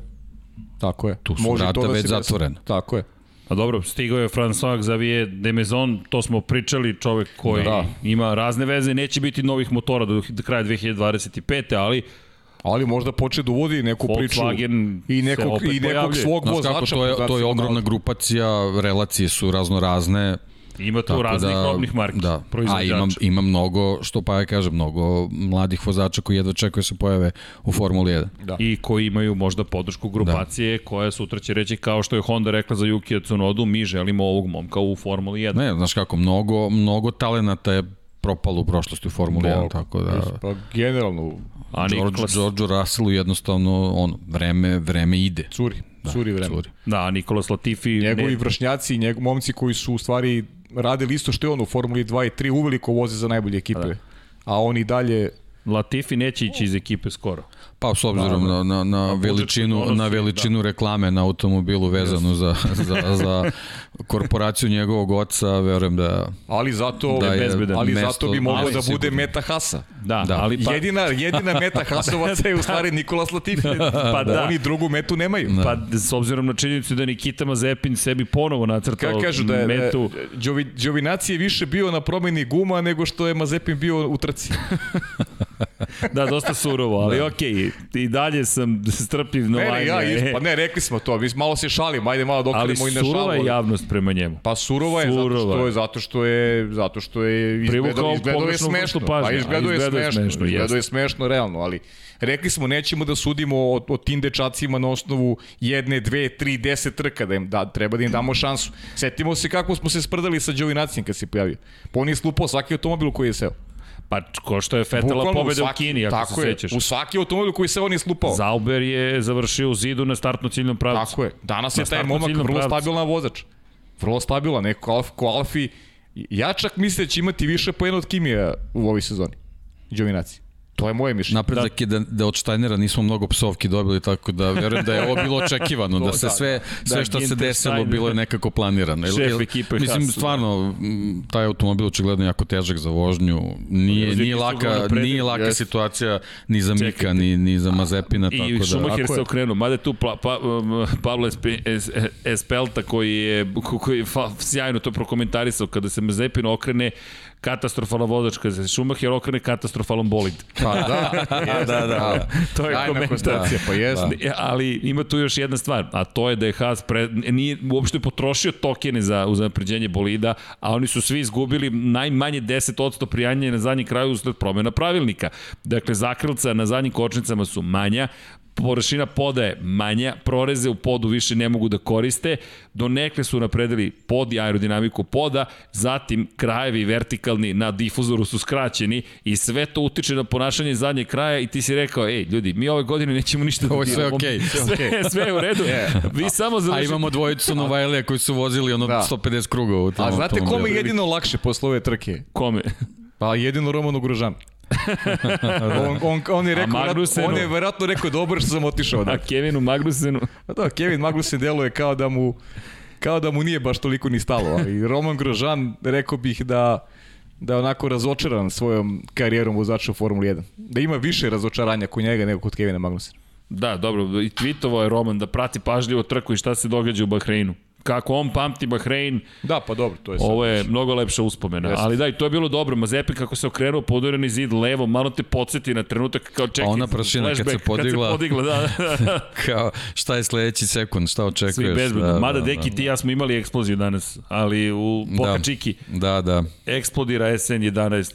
Pa, nismo ti stigli da lansiramo raketu danas. A da, čuo sam. Eksplodirala je, ali dobro. Da, pripremali smo se, razni termini su bili, pa su nas prema, prevarili, pa su u rano su jutro, da, da, da, da. Svašta se izdešavalo, pomalo neozbiljno i tamo, dosta neozbiljnih Ali situacija. jesi gledao smo, ono, prenos? Vas dvojica se baš Da. družite ovih dana. Ve- A dobro da se di, inače nas trojica generalno Da, da. ne družimo. Pa ne, rekao, dobro, vas dvojica baš danas imali ste i rakete i ovo i ono i sutra I nastavak. sutra nastaje, pa čekaj, mogu bi da dođeš na MotoGP, znamo sve, ali Ne, ljudi te vole. sutra, do, okej, okay, mislim, pazi, ja volim vas. E, slušaj, kad budem bio, kad se budem osjećao spremni, ne Potkovao. mogu, ne, ne, ne mogu, ne mogu da vam pariram tu nikako, stranac sam u noći, nema potrebe, zaista. Ali si lep čovjek.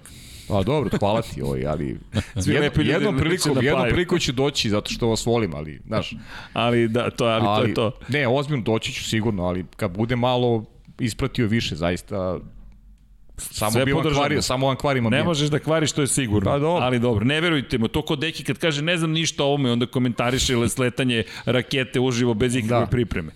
Ali dobro, žive enciklopedije su tu. No, pun je sat. Samim tim, dobrodošli još jednom u Lab 76, da se vratimo na početak naše priče. Hoćemo opet na... Moram da spomenem, ima, imam, imam, e, neke izjave su me i bile krajnje interesantne. Ross Brown, koji se oglasio povodom situacije između Maxa Verstappena i Luisa Hamiltona i rekao je da smatra da je dobro što je Red Bull povukao Maxa Verstappena, što mu je naredio da propusti Luisa Hamiltona i da čak i da je pobedio uz prednost od preko 5 sekundi i anulirao kaznu, da bi to zapravo bila jedna vrsta uh, oskrnavljene pobede, prljave praktično, tainted win, da bi to bilo zapravo sa mrljom jedna pobeda, Da li... To kaže Ross Brown. to kaže Ross Brown, da. To kaže Ross Brown, Ti da. znaš koliki si ja, koliki si ja poštovalac Rosa Brona, Da.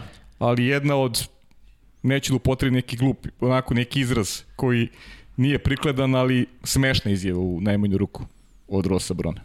Čovjek koji je dalje jedan od direktora Formula 1, inače legenda što Ferrarija, što prvo, Brom Grand Prix. prvo nepotrebno, drugo Benetona. znamo tu konekciju koja je postojala sa Lewisom Hamiltonom, a treće da se ne vraćamo Pa na da. neke ranije pobede i Luisa Hamiltona kroz, kroz istoriju, tako da ne vidim ne vidim prostor za da on da takvu izjavu. Ne samo to, da, da kad se vratimo malo, malo dalje u istoriju i, i, i neke veze sa, sa ekipama u kojima je bio Mihajlo Šumacher i recimo neke diskvalifikacije zbog nelegalnih bolida, tako da stvarno, ne, ja kažem, mislim, neću uopšte uh, u, ovoj, u ovu situaciji sad, sad da, da je razlažemo na način da, da, da gledamo kako je trebalo da bude Ma i da li je moglo da bude, nego jednostavno ja se samo zalažem za to da ta ekipa ljudi koji se nalaze sad u vrhu Formula Ista 1 priča. jednostavno moraju da donesu neka eksplicitnija pravila. Tako jer je. ovo jednostavno, upravo i ta njegova izljeva a, a, a, a, doprinosi tome da, da, da moraš tako da razmišljaš. Jednostavno, nema mesta tome u Formuli 1, posebno na današnjem nivou. Jeste. Ali, Pogotovo mislim, prva trka u sezoni i sjajna trka, ti daješ takvu jednu izjavu sa, sa visoke pozicije. Mislim da, da, je, da, je, da je ružno u najmanju ruku. Da, zanimljiva mi je u svakom slučaju bila, s obzirom na činjenicu, na sve što ste rekli, ne bih ponavljao, ali mnogo toga zanimljivog se dešavalo iza kulisa. Vratit ću se, kažem, na, na, na ta dešavanja, s obzirom na činjenicu su zapalila opet svet Formula 1 i nemojte zaboraviti još jednu stvar. Formula 1, kao sport koji zavisi od pažnje publike, i te kako voli ovako kontroverzne priče i naravno da će dolivati ulje na vatru i u celoj toj priči. Mi nekako ne prijedemo toliki značaj tome, ne volimo baš to. da, čekat ćemo četvrtu sezonu Drive to Survive, da kako će da počne, kako E da, će oni čekaj, da, koga su da obrade ovo. Da, da. Koga su tu snimali, to jeste interesantno. Da, i da li će u Gran Turismu da bude neka pomoć kad se prolaze krivine, nešto, da se pritisne neko dugme pa da, da se seče malo, vidjet ću. Deki, ti si danas Ja to obila to koristim, tako da nije problem. Da. E, ali bilo je izvrsno i trolovanje, za ne znam da ste pratili Twitter Mercedes AMG-a, koji je na kraju tweetovao da ti Mercedes AMG daje krila, između ostalog, to je bio jedan od tweetova, pa svašta su tweetovali, vrlo... No ne, to je super, zabavno je sve, Ne, ne, sve je pa, okej. naravno, ne, A praviš priču, pazi, ovo je trka koje može se pravi priča.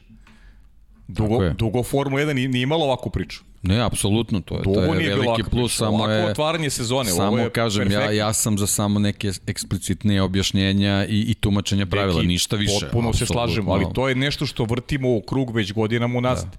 Godinama unazad mi se vrtimo u krug. E, Mislim da svako ko pogleda jednu trku i ne gleda više uopšte, možda se zakači za neku nepravilnost i zapite, čekaj, ili su ova pravila uniformisana ili nisu? Ili važe za sve ili ne važe? Znači, bukvalno like, neko ko pogleda jednu trku može da se uveti za neki detalj. I to stalno imamo kao trend. A ovde dobijamo jednu bitku koja je neku ruku istorijska, dobijamo bitku velikog šampiona i neko ko preti da to bude. I prati je, prati je kontroverza. Opet oko nedefinisanih pravila. Mislim, Tako je, znači samo je- nedefinisana pravila, ništa drugo, nikakva druga kontroverzna ne postoji, samo, samo to. nedefinisana samo pravila. To, samo to. A, a na stranu je sad, to je druga priča, da li je Red Bull trebao energičniji i A drugačije da to je odreaguje. već naša neka Ali, priča i priča je, ljudi koji prate je. da li, da li je trebalo Tako, jer ne. mi smo, da mi li su smo, bili spremni za to ili mi smo i u istoriji imali neke, neke odluke koje su donošene u deliću sekunde. Uh, sećaš se, Srke, pomozi mi samo koja je godina bila uh, Silverstone Schumacher, kazna, prolazak ciljem kroz boks. 1990 i jao, da li je osma, E, recimo, kad je pobedio recimo. Kako Hakina. pamti čovjek nevjerovatno. Ali Recimo, nemoj ali, da ali, to je bukvalno 100% bila odluka koju su doneli u dve krivine. Da, to Kako su, će... A, a tak, Ali- takvi ljudi su potrebni da, u Formuli ali 1. da li nepobedivi gotovo Ferrari Tako i je. Schumacher u tom Tako trenutku je. koji nije ni znao da li je pobedio, je, znači samo je nema opuštanja, pit lane. nema opuštanja. Da. Odluke moraju da se donose bukvalno u deliću sekunde zato što je takav sport. Sve je vezano za delić sekunde. Jeste. I, i meni, meni je tu u stvari samo glavna zamerka vezana za Red Bull, što možda Nisu tu se situaciju tako je, ni- se nisu se snašli. snašli baš kako treba. A sad da, da ne pričamo da li je strategija kroz čitavu trku bilo okej. Da, to, da, pa ako dobro, nije je- bilo kako treba je to je sad nešto na čemu oni moraju da rade. Pa to, to jednostavno oni da ne, ne mogu kroz sezonu da im se Tako je, dešavaju takve tako je. stvari. A oni su velika ekipa i to će da Ali mislim da ovde zaista nisu, nisu u trenutku dobro ovaj, odreagovali. Kao što je, rec- stvari u tumačenju pravila, Znaš, to je to. Kao što opet se vraćam, kao što je Max. Znaš ti kad si vruće glave i izgubiš, a mlad si, pa daš onakvu izjavu. Sjetimo se šta je Vettel radio. Sećaš Vettelove reakcije kad je Kad je sklonio kad broj je sklonio 1 broj 1 i sa, sa, čet, ga na svoj sa bolid. četiri titule, sa četiri titule šampiona. Ti radiš po, posle trke, si nervozan, a momak koji ima koji je, je zadržao tu stabilnost, bio je priseban u trenucima kada je, mu je sigurno kroz glavu prolazilo svašta. A on Ljudi. je odreagovao, odreagovao kao džentlmen. Evo ga taj moment. Hvala Vanja. AMG gives you wings. Ili ti AMG daj ti krila. A verujem da ste svi svesni skrilatice, eto pa kako se pa, sklapaju reči, Da. Red Bulla, da ti daje krila. Da, to je objava malog rata. Obje, čuj, Jeste. ovo je trolovanje Da, par da. excellence i ovo ti je sada društvenim mrežama i verujem da će Red Bull ovo i tekako pažljivo gledati i odneli jesu veliku pobedu s obzirom da imamo ograničene budžete ove godine možda Mercedes ne može baš tako ok, da ovo je isto bilo da, da i, o, i ovo se desilo Mada, su, mada je bio jedan od odgovora, neko im je odgovorio što, zato što je bolid pokraj staze. Tako da je sva, Da, svašta mora- se mora dešava pažljivo na da društvenim da mrežama. troluje, da. E, ali kada pričamo o društvenim mrežama, ne zamerite, prosto ovo je tema broj 1 u Formuli 1, ne može, ne, ne, neću da se da pobegnemo od ovoga i, Pa čekaj, i ovo je fenomenalno. Čekaj, zašto bežimo od nečega što, što o čemu svi pričaju, to, to Tako je, je. to. Pa šta da, o čemu da pričamo? Ne, ne, o tome moramo da pričamo i, i, i vraćam se namjerno na to. Prošli smo sve ljude u, u Formuli 1 i timove, ali ovo je tema broj 1. I ima još nekih zanimljivih tu kadrova. Vratit ćemo se, ajde da zapravo pogledamo jedan kadar pre nego što se vratimo na Maxa i, i Luisa. Ljudi, čisto ono što smo spomenjali malo pre za Botasa, za one koji eventualno ovo nisu videli, vrlo interesantno i ukoliko pogledate, čovjek je snimio, obratite pažnju interakciju između Botasa i Tota Wolfa po završetku trke. Obratite pažnju na ovo, koji mu poručuje prekini. Nema diskusije, a Bottas je rekao da će se svađati ove godine više. Wolf, ovo Da, da. neće tako lako prihvatiti, ali Bottas koji je rekao ne, ove godine ću biti sebičniji i opet Drive to Survive epizoda, to je serija broj 3 i Da, to je komentar, ali meni je ovo vrlo značajan kadar. I Valteri koji je bio ljud prošle godine, posle velike nagrade Rusije s razlogom, niko živ nije dostao da Volo- proslovi sa njim. bih da tema koju potenciraš da, da, si, da budeš u pravu. Znači, najviše bi volao da budeš u pravu oko Botasa. Najviše.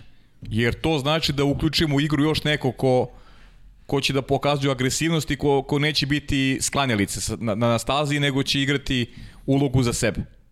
Da će, kazati, da će reći samom sebi hoću da budem Niko Rosberg. Znaš ne, šta- ne Niko, nego Niko Rosberg. Znaš šta, znaš šta mi još ovo e, meni može, po po mom više može da utiče na ugovor za sledeću godinu. Zašto? Ako sada krećeš da se buniš, i, i pozitivno i negativno, ako Valteri kaže, e, ljudi, neće to tako lako moći ove godine, on može da pokvari mnogo toga u ekipi Mercedesa, a može da kaže, ok, hoćete da ponovo budem broj 2, ajmo sada da potpišem ugovor za sledeću godinu u kojem piše da više nisam broj 2 i da od naredne sezone imamo bitku gde me nećete govoriti, gde, nisam podređeni član ekipe. Pazi, to je samo moja pretpostavka, sad Da, moja mislim da on nagađanja. uopšte nije u situaciji da on predlaže bilo Ok, šta. ja mislim. ali, Ali, e, mislim, sam se doveo jeste, u tu situaciju. ali ako izvršiš sada pritisak i kažeš hoću, Kasno je za pritisak. Jel evo imam, okay. imali smo situaciju, David Coulter je bra, baš proslavljao 50. rođendan Jeste. moj vršnjak, pa sam se setio baš u tim trenucima a, njegovog bivstvovanja u McLarenu sa, sa, to se ne kažem, Da. imaš 50 da, godina. Da, da, Njegovo bivstvovanje sa, sa Mikom Hakinenom u godinama kad je Mika osvajao titule. Coulthard je mnogo pomogao Hakinenu u, u, u te dve titule, ali, ali on, on je sebi izgradio kao, kao vozač u tim trenucima. Jeste. Jednostavno, možeš da budeš drugi vozač, Upravo možeš da prihvatiš tu ulogu, potpisujem, ali ti upravo si. jednostavno moraš da imaš taj stav. Jeste. Sećate se trke u Melbourneu. Samo je pustio gas i pustio Hakinu, jer, jer se znalo koliko je važno te, te godine da Mika stigne do, do prve pobede uh, u, u prvoj trci u sezoni. Pa sjetimo se kako, Koliko- se, za- koliko kako je bio svestan u- toga. U, Mihajla Šumahira. Razno razne Izvini, situacije. Schumacher se zakucao U u njega, Coulter, dobro, da. jeste. A razno okej. razne situacije, ali Okej. hoću da kažem kako je izgradio svoju ličnost u poziciji drugog vozača. Da, jeste, E, jeste. to je nešto na, na čemu momci koji prihvate takvu ulogu moraju, moraju da, Slažem da se. porade i da obrate pažnju bukvalno od prvog dana kad se postave te relacije kako, kako grade svoju poziciju i svoju ličnost u tim A situacijama. pritom Mercedes treba da razmišlja o tome da Lewis Hamilton nije večan. Da će doći moment kada više ni telo ni godine neće moći da izdrže napore koje nosi Dobro, ali Formula 1. pokazuje stvarno na ovoj trci da... Sve je okej, sve je pokazao kako treba, ali klasa. zato možda izgubiš, šta možda izgubiš? Možda izgubiš George Russella. Na račun koga? Na račun Valterija Bottasa. Mislim da je to da bi to mogla bude skupa greška za njih. mislim da, da, da, da, da će to biti isto zanimljiva priča koju Deki spominje e, i ti što koju spominješ za Hamiltona. Oglasio se čak i Jenson Button koji je sada angažovan u McLarenu, ali i stari klubski kolega Luisa Hamiltona koji je rekao da se iskreno nada da se neće penzionisati zapravo pre vremena i da se nada da će još dugo ostati u, u Formuli 1 s obzirom na činjenicu da je preko potreba. Pa, Vanja, ajde molim te da iskoristimo grafike koje imamo, da bacimo pogled još jednom na to. M je fascinantna priča, M je pokazatelj kakvog kalibra su vozači i kakav je svetski šampion takođe u pitanju. Ako pogledamo krugove, na primjer, možemo da bacimo koje god želiš. Krugovi između Luisovog drugog pit stopa je, na primjer, i, i Maxovog. Zašto? Vraćam se na to, pošto ćemo to vidjeti, dve generacije vozača, pogledajte ovo, Ne, on, to smo već videli, nego da bacimo pogled na krugovi između Maksovog prvog pita i Luvisovog drugog pita. Dakle, tu i momčilo, e, ko čovjek koji je sve ovo pripremio. Vidjet ćete kako, pogledajte ovo sad, Verstappenovi krugovi i Hamiltonovi krugovi od 19. do 28. kruga i Max kako vozi kako smanjuje razliku, kojom brzinom se smanjuje razlika, Hamilton koji radi koliko treba na kraju, ne bi li zadržao prednost. Sad mor, ti moraš da budeš ultra precizan. Ovde se vidi Max koliko je brži u ovim trenucima i sve do 27. kruga ogromnu razliku zapravo stiče. E sad, ako pogledamo, na primjer, krugovi između Maksovog drugog odlaska u pit, dok nije sustigao Luisa, ako bacimo pogled na to, obratite sada pažnju na, na, na primjer, na, na ovaj moment.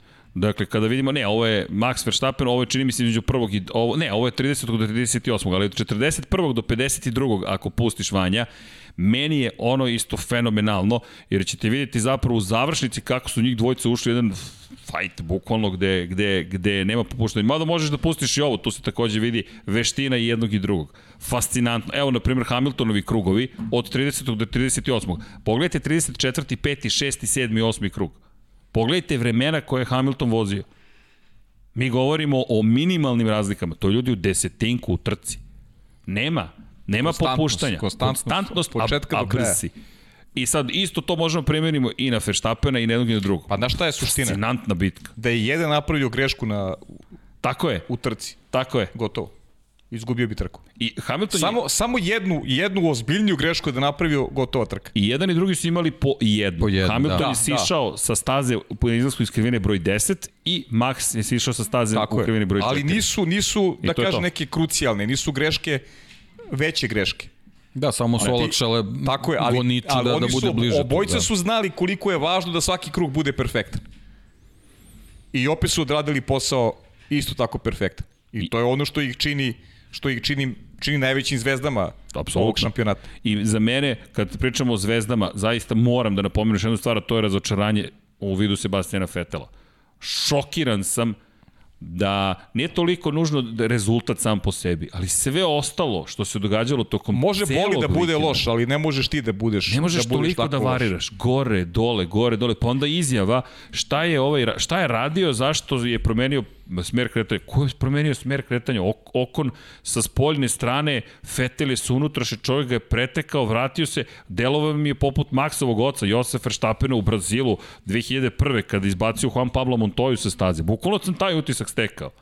Kao da je neko ko, je, ko nije četvorostruki svetski šampion, već neko ko ko je pitanje u kom bolidu vozi. Ovo nije bolid koji je tada imao, tada je Eruz, ja mislim, imao naranđasti Jos Verstappen, koji je bio dosta loši, to ne opravdava Verstappena, greška je katastrofalna, početnička, ali tada ga je Montoya obilazio za ceo krug, ali ti ovde imaš četvorostruko svetskog šampiona u bolidu koji je prošle godine bio četvrti najbolji bolid na, na, Pritom na, si stazi. iza. I iza si, si bukvalno. To je, to je, to je veći problem. Znaš, mislim, nije dovoljno, dođeš u novu ekipu, doneseš lepu kacigu i i kao to je to. On je sa sobom morao da donese mnogo toga, zato su ga oni angažovali.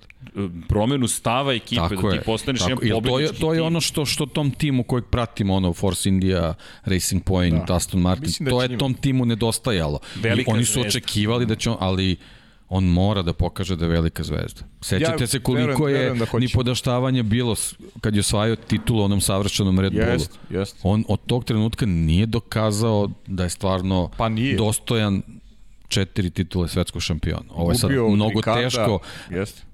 teška rečenica, ali, ali nije jednostavno bez argumenata. Nije, nije dokazao to. David Coulthard je se, se oglasio i rekao da ne vidi da će povratiti taj mođo koji je nekada Mhm. imao i zaista deluje da je karijeri došao kraj. Negde smo i ti ja verovali, ajde, rano je još Pa ja verujem i 22 dalje, trke, ja ali- verujem i dalje. Znaš, Ali baš deluje, pa kao da je izgubljen. delovalo je katastrofalno, da. Delovalo je katastrofalno.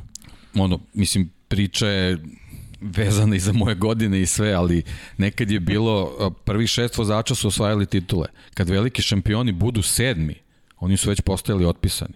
Oni su morali u šest da budu zato što su veliki šampioni. Ne da nije Ako kreneš sa serijom pozicija ispod šestog mesta, već te odjavljuju za sledeću sezonu. Da, da. Petar je bio Jednostavno 15. tako kraju bilo. Mislim da je. će ima, njima će prijeti ova pauza sigurno ove tri nedelje do Imole i očekujem da će biti drugačija pozicija Aston Martin. Pa mislim da će svima prijeti pauza da. iz ove perspektive. Možda ne Red Bull. Ma, mislim da je... Da je Ja mislim da, da tu neće biti ne, problem. nisam siguran sad da je trka već sledeće nedelje. Kažem, prvo što ne znamo kakvi su problemi bili sa, sa bolidima. Tako je. Jer, uh, Perezovi su bili očigledni. Mm. Ne znamo šta je sa Maxom bilo. Znaš, to, Max samo, samo su au, audio informacije bile. Jeste. Tako da mislim da će njima prijeti ta Tako, pauza. isto, isto mislim da će Da. svima prijeti. Okay. Samo nama ne prije, zato Samo što, nama da, ne prije zato što smo uživali, pa ali čekamo sad bi nastavak. baš bilo dobro da, da se vidi odmah nastavak ide gde nastavak. možeš u stvari Pa, da. celu priču da složiš i da je lepo Teki izanaliziraš. krenulo i ponovo je stalo i imam osjećaj kao da, da, kao da se nije ni desilo, kao da smo ponovo ušli u međusezonu. Slušaj, imamo utisak. 23 trke, a recimo u aprilu i maju imamo 4 samo. Imamo po dve u aprilu i maju. Da. Skupit će se. Znači, maltene za bit... Što znači... Momci, uživajte Što znači da... Za dva i po mesta imamo pet Uživajte trke, dok a onda kad pauze. krene, onda kad krene... Ništa sad odmor, poslednja šansa za odmor. Da. Posle toga ne postoji više taj, ta reč. Mada ovo, ovo neka vrsta odmora. Ok, nećemo da zaboravimo da je trkački vikend podrazumevao i šta? Tri trke Formule 2. Tako je. Ljudi, kakav spektakl, tamo smo tek dobili. Liam Lawson, Liam Lawson, čisto da se zna, prošle godine nije vozio u Formuli 2. Dakle, Lawson je stigao iz Formule 3. Pavle, ispravi me ukoliko ja grešim, ali ja ako gledam i trku i vidim Novajliju kako ide ka pobedi. Oscar Piastri, nije tako loša pozicija, broj 1 Da. u drugoj trci i na kraju Kwan Yu Zhou pobeđuje. Najbrži krugovi za Linima Zendelija, Ralfa Bošunga, pazi Ralf Bošung koji je bio isto odličan na trenutku, i Roberta Švarcmana, a na pol poziciji bio Guan Yu Zhou. Tri trke od ove godine imamo u Formuli 2, prepričati ih Tri je različita pobednika. nemoguće, nemoguće, da. bukvalno je nemoguće, ali to, to, to mi je žao što nismo imali mogućnosti da prenosimo, međutim tamo je tek rat za, za onih malo pozicije, kao u Moto dvojkama za Moto Grand Prix, tako u Formuli 2. Koja pozicija će sada se otvori u Formuli 1? I specifični, vik, zapečaćeno specifičan vikend, tri trke, sad da. jednu grešku napraviš, otišlo ti, otišle ti te tri trke ti maltene otišle, tako da će, i, i nije slučajno što imamo tri različita pobednika. Mislim da će takve stvari se ponavljaju do kraja sezone. Ovo je baš pakao tempa, ali opet najbolji moraju da isplivaju. Žou, recimo, nekoga očekujemo u budućnosti, neko će ove godine biti bolji nego prethodni, to sam siguran. Ne samo zato što je konkurencija uslovno rečeno slabija, već si on pomirio sa tim da neće tako brzo doći u Formuli 1, a posjeduje talenat.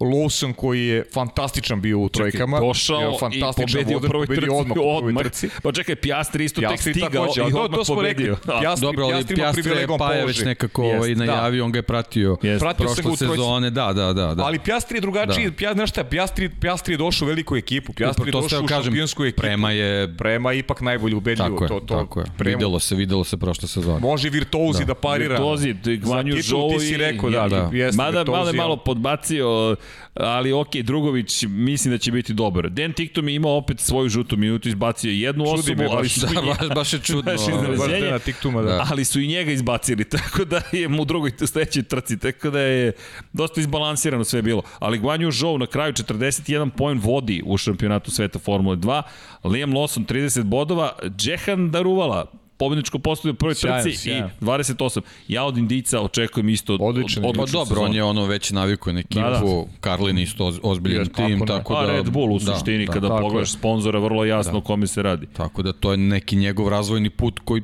tako i treba da ide. Znaš, nije to nikakvo iznenađenje, tako i treba Nije. da ide sad do njegovih kvaliteta, da li će to da nastavi tako i, i super je što je, što je krenuo u, u, u, na, na početku sezone na ovaj Jest. način. A, a pazi pobedničko postavlja u prvoj trci. Lawson, Daruvala, David Beckman. U drugoj trci Piastri, Christian Lundgaard, Guan Yu Zhou. I Guan Yu Zhou koji uspeva da se ponovo nađe na pobedničkom postavlju, pobede u trećoj trci i Liam Lawson treći mesto u trećoj trci.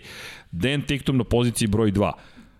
Šta će biti? Nemamo predstavu, ali, Ali ljudi... upravo to što je Paja rekao, pošto ćemo imati takvu sezonu, to, prevogu će odneti ko se bude češće pojavljivao na, na, na podijumu.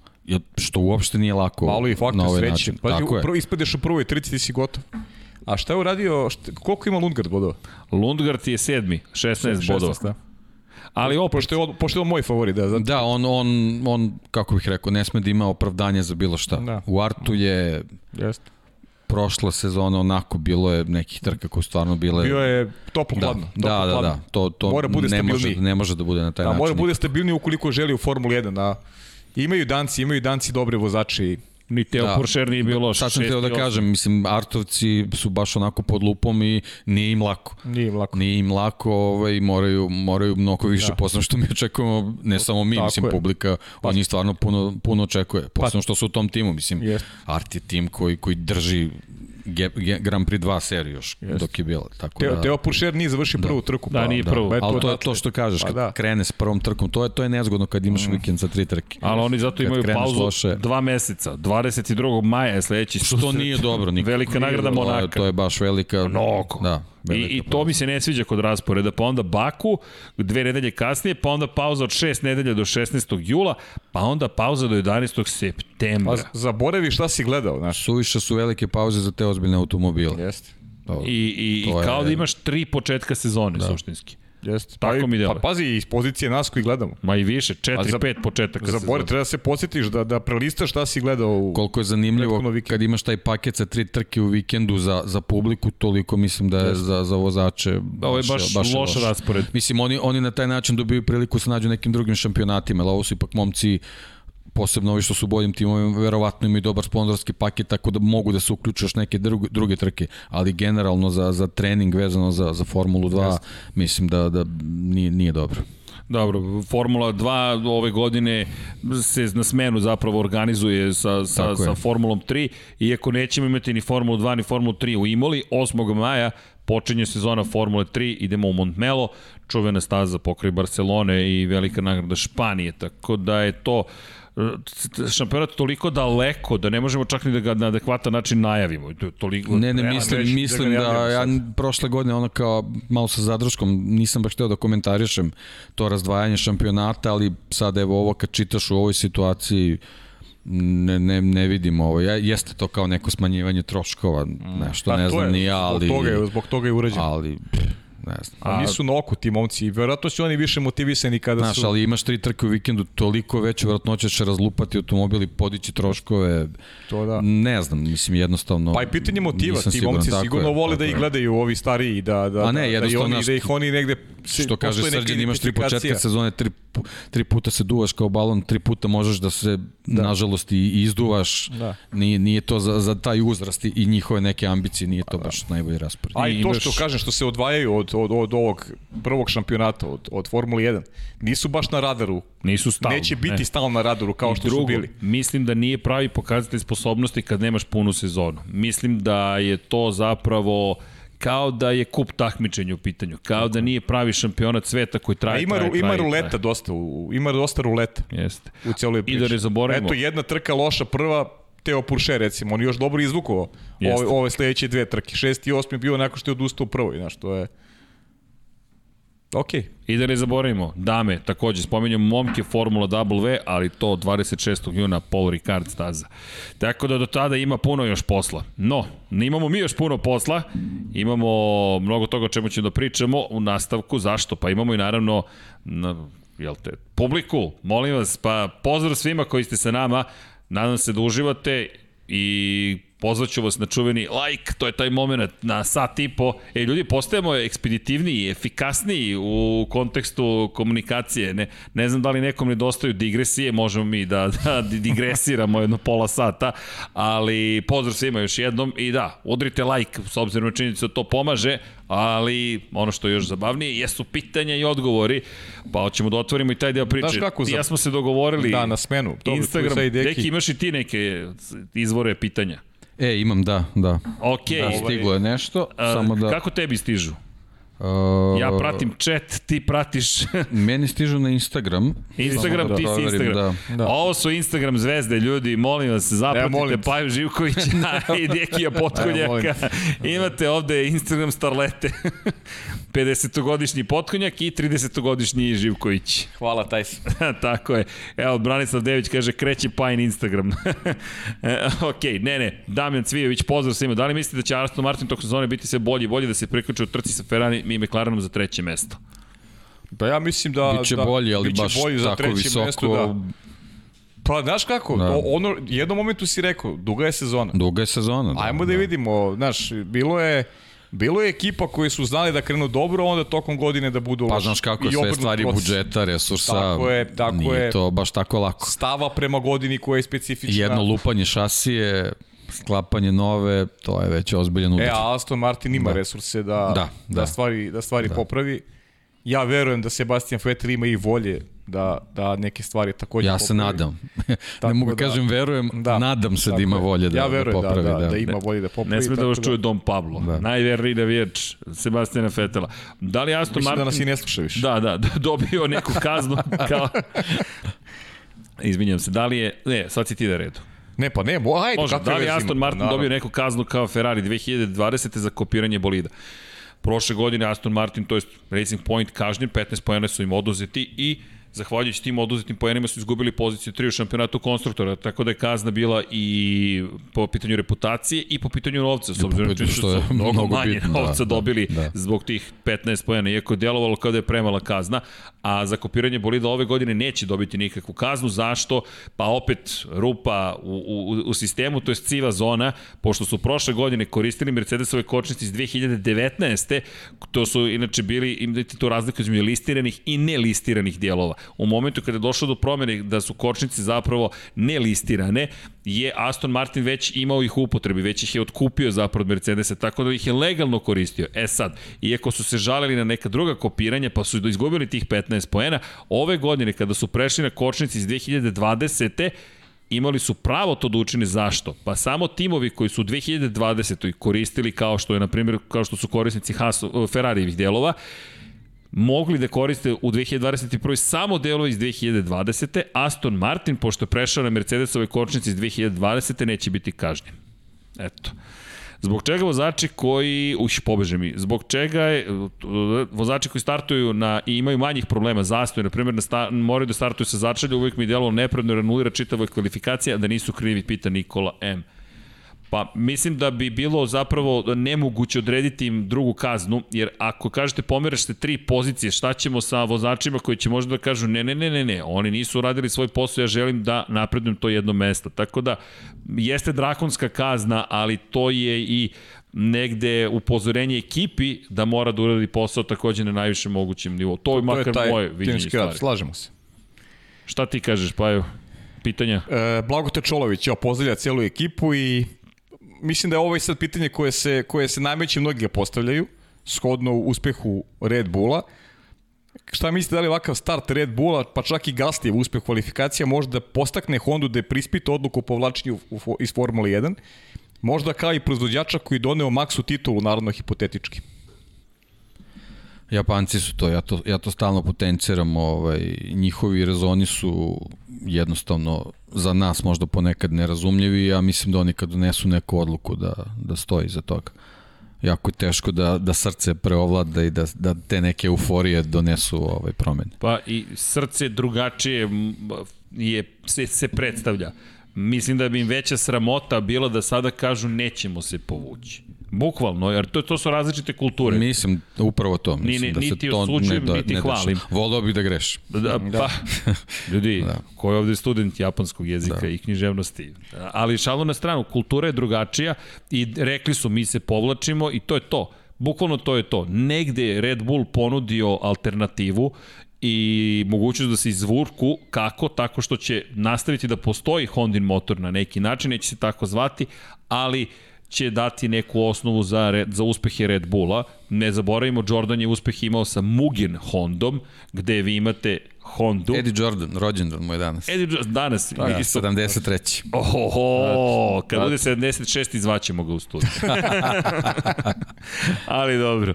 Da, da, tako da, Mugen Honda, da ne zaboravimo, Jordan Mugen Honda je bila u pitanju i to što je bilo pod znakom Mugena je davalo Hondi mogućnost da kažu, ej, to nije Honda, to je Mugen Honda, jeste to sin, ali opet to je Mugen Honda, tako da ne, ne, neće se, sigurno neće ostati u Formuli 1. Ima za mene pitanje Eda Hasan Spahić. Dobro Da. pitanje. Kaže, da li dalje si pri mišljenju da je Ricardo napravio grešku na puštanjem Alpine, odnosno Renaulta? Dobro pitanje.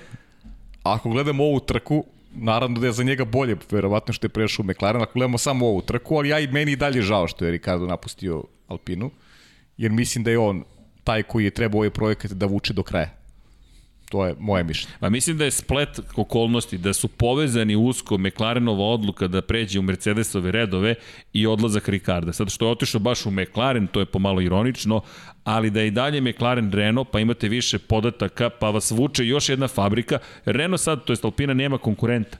Ona se trka sama sa sobom. Imamo bitku Okona i Alonsa, koliko god je Alonso veliki šampion i on ima 40 godina. U nekoj drugoj e, prosto možemo reći eri svoje karijere, fazi karijere, gde nije to isti Alonso koga smo imali pre 16 godina. Koliko god da poštujem i verujem da će biti bolji nego što sam inicijalno mislio. Renault prosto tu sam i onda dođemo do toga da je Ricardo otišao u tim koji je očigledno zadržao ozbiljne A pozicije. znaš kako ja gledam na Renault, na Alpinu? Oni su samostalna ekipa. I oni mogu Fabrika. da... Fabrika su. I mogu da zavise od svog rada. I mogu da napreduju ili ne. I, i meni bi ta vrsta izazova više bi me nekako vodila ka ka ne znam, ka nekoj svakodnevnici koja je rad, rad, hoću da se dokažem, hoću da istrajem.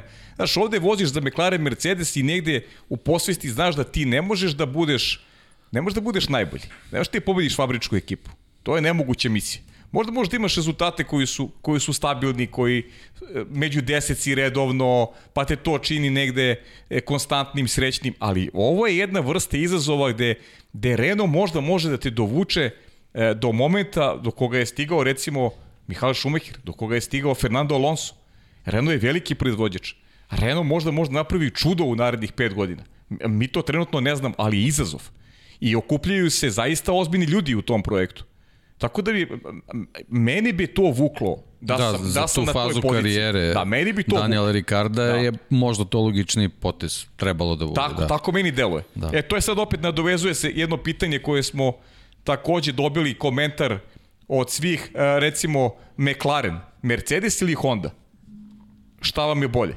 E, ja opet se vraćam na tu priču. Pa okej, meni bi bilo bolje da su oni istrali sa Hondom i da su došli do, sa Hondom do jednog momenta koji bi ih favorizovao možda čak i u borbi za šampionsku titulu. Ali, ali znaš šta je tu meni problem? Da li bi Honda uradila sve što je uradila u međuvremenu, da nije doživjela sramotu koju je doživjela sa McLarenom. Gde deluje da je slomljen toliko bio odnos. Slažem se s tom, bilo bi mnogo romantično McLaren Honda da je uspela da je došla do pobedničkog postolja, ali ako se vratimo unazad, Honda je mogla da sanja pobedničko postolje, dok nije došla do Red Bulla. Prva trka s Red Bullom, Australija, Max se penje na pobedničko postolje. I to je veliki Hondin suštinski povratak na, na, na scenu, ali opet, evo sad, kontraargument, mada ko je mogao da predvidi COVID-19, gde se dešava da Honda rekla, e ne, mi nećemo ipak ostati posvećeni Formuli 1. I meni, ja imam ozbiljnu kritiku prema Hondi, dolazim, odlazim, dolazim, odlazim. Da, uložili su ogroman novac. Već si ga uložio, nekako ne kažem da išta duguju bilo kome, ali ako si posvećen sportu, budi posvećen sportu. Na primjer, Mercedesu može mnogo toga da se zameri iz perspektive toga kako drži stvari pod kontrolom, kako lobi da se zameri. E, sad se zameri, ljudi su dominantni, ali oni su ljudi posvećeni Formula 1. Oni su posvećeni tome decenijama već, od kada su se vratili s McLarenom u Formulu 1. Honda i nije odmah, nisu odmah cvetale ruže. Nisu odmah počeli da pobeđuju. Bilo je potrebno Pa vreme. ne samo to, znaš, tu je postala neka strategija vezana i za marketing kompletnog mm. brenda, podizanje imidža i to je ovo što Paja priča samim tim što je što je Renault rebrendirao ovaj svoj tim, vidimo da, da, da se tu razvija i automobil za, za endurance, šampionat i tako dalje. Znači oni očigledno imaju neku strategiju sa Alpinom i vidjet ćemo u sledećih par godina da li će to doneti neke, neke mnogo bolje rezultate. Pratim. Jer generalno su svaki put kad su se pojavljivali u Formuli 1 na taj neki ozbiljniji način, da, da, da tako kažem, posle par godina su dolazili neki rezultati. Uh -huh. Ja, pazi ovo, Anđelko Milović pita, da li mislite da će ovaj šampion biti najtesniji još od 2016. godine? Da. Dobro pitanje. Da, ja mislim da hoće. I mislim da će biti zapravo tesan, ne baš kao 2012 ali da nećemo biti daleko. Jer 2012. će se teško ponoviti, pošto Pirelli gume tada su dovele do, ne znam, šest pobednika u prvih šest trka, sedam, ali sada ćemo, mislim da će biti vrlo tesno. Jer uzmimo obzir, obzir još jednu stvar. Ove situacije mogu da nateraju i Mercedes, pa i Red Bull, pa i Honda samim tim, da pređu granicu.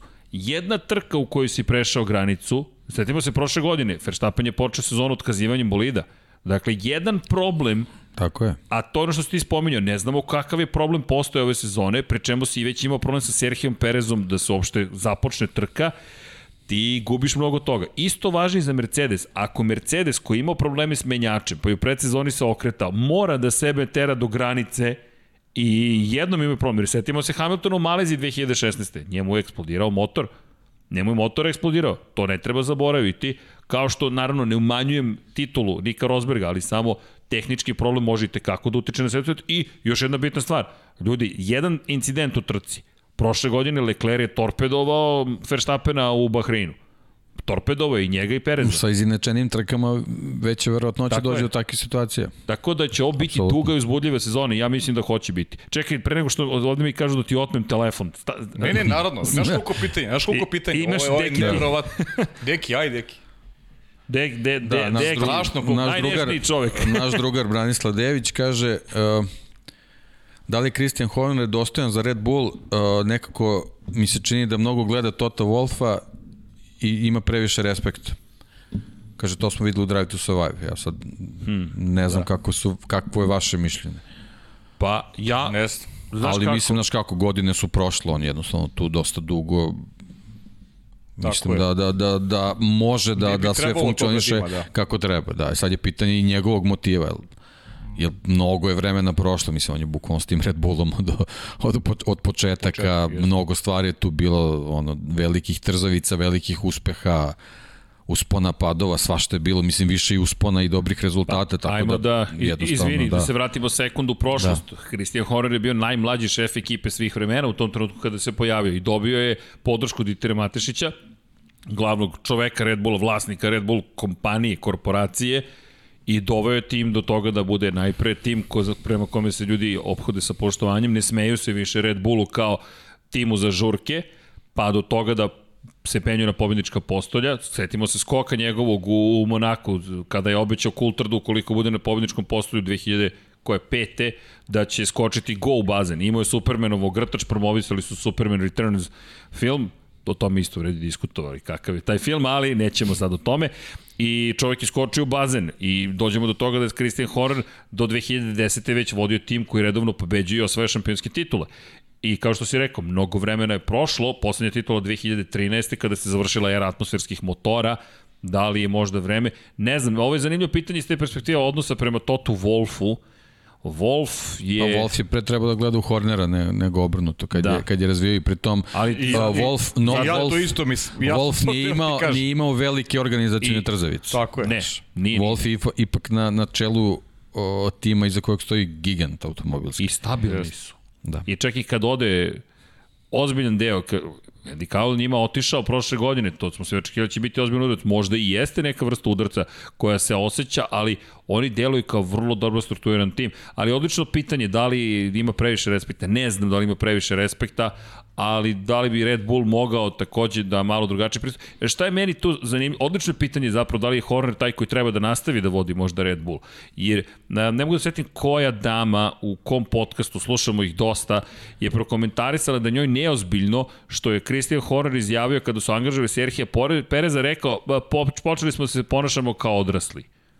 Pa šta si radio do sada u ovoj hibridnoj eri? Ponašao se kao dete? Ne, ne razumem ne razumijem izjavu, ali to ti negde možda govori o tome kako su pristupili stvarima, da, da, da su... Pa rekli... da, možda, možda da tumačimo da kao jednostavno neka, neki ovaj izbor vozača više išao nekim marketinškim putem nego takmičarskim. To je to.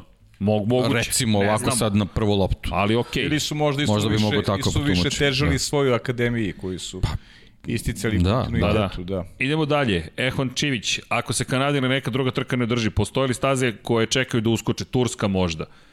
Pa za sada nema nikoga ko je kao u Moto Grand Prix rezervna trka, pa da kažemo stoji. Tamo Indonezija je bukvalno označena kao rezervna trka. Prošle godine smo vidjeli da je i Muđelo uskočio, da je Turska uskočila. Muđelo čekam da se ne pojavi više, s obzirom na činjenicu da smo imali i dva ozbiljne incidenta na stazi i da je utisak bio bez obzira na dobro trkanje da možda nije baš za ove bolide ta staza najbezbednija. Tako da Turska moguće, imali smo i dobru trku na kraju, iako je asfalt bio problematičan, Na kraju je to bilo uzbudljiva trka. Po kiši, pol pozicija Lensa Strola, pobjeda Luisa Hamiltona, istorijska Jurnjeva, Vettel jedino pobjedničko postolje u prethodnoj sezoni, taj duel u poslednje dve krivine protiv Charlesa Leclerca, pa i Perezova vožnja i generalno Turska, zašto da ne, ali za sada nema tih indikacija. Igor nas pozdravlja Marković. Opet? Dodaje, gleda redovno. Pozdrav. Dodaje samo za Hornera da je njegov najveći problem što ima mač nad glavom. A znamo ko je mač pa, nad glavom. moguće. Pa kažemo, dugo da. je tu. To je ono što... Pa, da, pa, to je i, to. rekao. I mač nad glavom Da, pa, u, u, liku, u liku jednog čoveka. Helmut Marko je produžena Marko. ruka Ditera Matešića to i to, to je tako. To je prosto čovjek koji na kraju se pita. Na kraju se pita. Human resource. A tu spada i šef tima. A tu spada i šef tima, da. da. Tako On je iz da, kadrovskog. Sve je jasno, ne, apsolutno, ali... Kad te pozove Helmut da. Marko, ideš u kadrovsku, idem u kadrovsku. ali, Jednostavno, okay. Horner nema šta da dokazuje o svojim sposobnostima, to je point. E sad je samo stvar njegovih motiva i, i želje. Ko će pre u F1, Lundgard, Drugović ili Schwarzman? Pa, mislim da će Drugović poslednji ući u Formulu pa, 1. Ako, ako uopšte ako bude ušao, uš, u, da. mislim Drugović je tamo, njegov otac drži lanac Jest. prodavnica rezervnih delova u Brazilu, tako da možete samo zamislite kakav je novac u pitanju i Formula 2 je neki domet po tom pitanju teško, teško imate stvarno. novca stvarno. za porodicu. Tako je. Kao pojedinac Tako imate je. para. Ali čuvena, čuveni slogan, to je čuvena rečenica Edija Jordana, spomenutog rođendanca, ukoliko želiš da postaneš milioner u Formuli 1, počni kao milijarder. Ljudi, ovo jede pare. Da. Ovde, ovde se novac ne vraća tako lako. Malo brojnima se novac vratio. Većina je ostala bez para. Pa i Lundgar koji ima te trkačke gene, ali oca koji je bio uspešan reli vozač, pitanje je koliko ima prohodnost u Rezultati moraju da budu mnogo bolji da bi rezultatima da stigao. Budu, tako je. Moraju da budu spektakularni. Pa da, I, ali, i sponzorski paketi. Tako, ali re, rezultat nužno ne znači ništa. Pa i David, Felipe, i David Evalseki da, je bio šampion Felipe bukvalno za sebe ima samo porodicu pa, u ovom da. trenutku, tako da... Odgovor je jasan. Schwarzman onda ima naj, najveću šansu da uđe u formulu. Da, odgovor je stigao. Stigao je odgovor, da, je. Da, procesom da, eliminacije. Malo, malo smo težim putem došli do njega. da, da. Da, Max Radex, e, Red Bull Racing kroz sezonu uvek pravi veći napredak od Mercedesa, tako će biti i ove godine razlika će samo rasti. Nije nemoguće, to je ono što sada je ta lep, lepa enigma cele ove priče, jer Mercedes je, pre, ali, ali, ali uzmite obzir još jednu stvar, ne, dinamičan, život je prelep, Formula 1 je jedna slika fenomenalna i života, pa i društva. Ako pogledamo situaciju u kojoj je Mercedes bio prethodnih godina, ljudi oni su imali luksus da ne moraju ništa da rade ozbiljnije. Redko su kad bili primorani da moraju da naprave korak u napred, a i tada su znali da bolje protumače pravila, kao što su i sada u ovoj trci to uradili. Ljudi, Oni su spremni i bili za ovu trku. Zašto to govorim? Setimo se opet 2018. godine. Vratimo se na činjenicu da Mercedes uvodi na veliko iznenađenje svih timova. Džentlmenski dogovor je postojao. Ne uvodi se nova pogonska jedinica pre Monce ali džentlmeni ne rade u Formuli 1. U letnjoj pauzi Mercedes je spremio potpuno novu pogonsku jedinicu, ubacio je u alokaciju i rekao mi od sada do kraja sezone koristimo ove motore. Šta im je to omogućilo? Da izbegnu pravilnik koji je stupio na snagu od velike nagrade Italije i Monce, koji je ograničio, to jest za preko 30% smanjio rezervoar ulja, či koje ste mogli da sagorevate tokom paljanja jel te, goriva I šta smo dobili? Dobili smo Mercedes koji od velike nagrade Belgije do kraja sezone moćniji od Ferrarija koji je pripremio promenu za Italiju i od Italije bio slabiji. I sad, da li je Mercedes tehničko rešenje imao bolje? Ne. Ali da li je bolje protumačio pravilnik? Da. I samim tim stekao prednost. Tako da Mercedes nemojte poceniti, razvijeće, ali ukoliko ih Red Bull tera da sada rade više, Možda će oni reći, ok, moramo da radimo sada i mi više. Tako da, nema tu jednog odgovora. Red Bull, držimo palče da može da nastavi s ovim tempom. I, i da se nadovežem, zašto tri nedelje pauze? Ne znamo. Iskreno ne znamo. Ne deluje nam logično ni iz perspektive troškova, kao što GP Balkanci pitaju, a, a, i, i uopšte, ali to je kalendar koji smo dobili. Ima, ima Dejan Andrić, onako Pozdrav dva, dva lepo pitanja, uvek ima dobra pitanja. Dejan, ajde izdvojit ću dva da, da probamo da budemo ovaj, koncizni jer ima zaista nevjerojatno i vjerujem ima i kod tebe i, i kod tebe Deki Ne mogu da stignem da scrollam, tamo da, da pročitam. Kaže Deki, da li je moguće da Ferrari koji prošle godine se mučio da, da za manje od par meseci nađe toliko brzinu i da bude egla sa McLarenom? Da li postoje moguće da su opet muljali nešto? Nisam teoretičar zavere, samo pitam. I druga stvar koja mi je interesantna, da li Mercedes Bottas u kvalifikacijama da isti bolid kao Hamiltonu, a da u samoj trci malo zavrne taj agregat dovoljno da ne može da ugrozi Hamiltona, a da možda se obrni ostalih protivnika. Nemoguće da Bottas svaku trku bude 6-7 sekundi iza Hamiltona ako su isti bolidi. Kaže neki pozdrav Dene, toliko od pitanja da ne širimo više. Hoćemo od prvog. Može od prvog, ajde. Ferrari, Mercedes. Ferrari, Ferrari da. Pa ja mislim da Ferrari, mogu da nadoknade. Ferrari, Ferrari McLaren, da. McLaren, pa to, probitka smo... Zašto mislim? Vraćam se opet, Mika Salo kazna prošle godine. Salo, verujem da nam je otkrio zapravo koja je kazna bila, a to da nisi smeo da koristiš svo gorivo koje ti je na raspolaganju, da je to bio najbrži način da kazniš jednu ekipu. Sada kada to smeju ponovo da učine uz činjenicu da ovo šesta iteracija prošlogodišnje pogonske jedinice, deluje mi da ćeš samo po sili zakona se ćeš vratiti snagu. Vanja, ako možeš da nam baciš, molim te ponovo one kvalifikacije 2020. naspram 2021. godine. Ljudi, obratite pažnju na to koliko je Ferrari već napredovao. Ferrari je bio u škripcu prošle godine, u katastrofi. Ali pogledajte ovo. Ferrari već sada je nadoknadio mnogo toga. E sad, novi igrač je u priči, Carlos Sainz, treba vremena da se uklopi, da se prilagodi i tako dalje. Opet, ono što je Deki rekao, u Bahreinu McLaren je definitivno imao prednost, ali ako se vratimo na prethodnu godinu, McLaren je dobro išao u Bahreinu, pa išao dobro u Bahreinu. Vidjet ćemo u Imoli, vidjet ćemo na uličnoj stazi, vidjet ćemo na nekim drugim mestima. Evo, za ostatak u odnosu na Mercedes, ako pogledate, Ferrari je mnogo nadoknadio. Već sada je mnogo nadoknadio. Da li je dovoljno? Ha, pa to je lepota takmičenja. Ne znamo šta će još spremiti ostali po pitanju aerodinamike, ali zaista mislim da mislim da će Ferrari biti opasan u toj celoj priči. Da, ali ova trka je pokazala taktika, tim, organizacija, sve je bitno. Tako je. Znači ne, ne samo čisto brzina automobila. Ferrari tu nužno a nije Ferrari kaska već nekoliko sezona nazad debelo. I sada, pitanje za Hamiltona i Bottasa.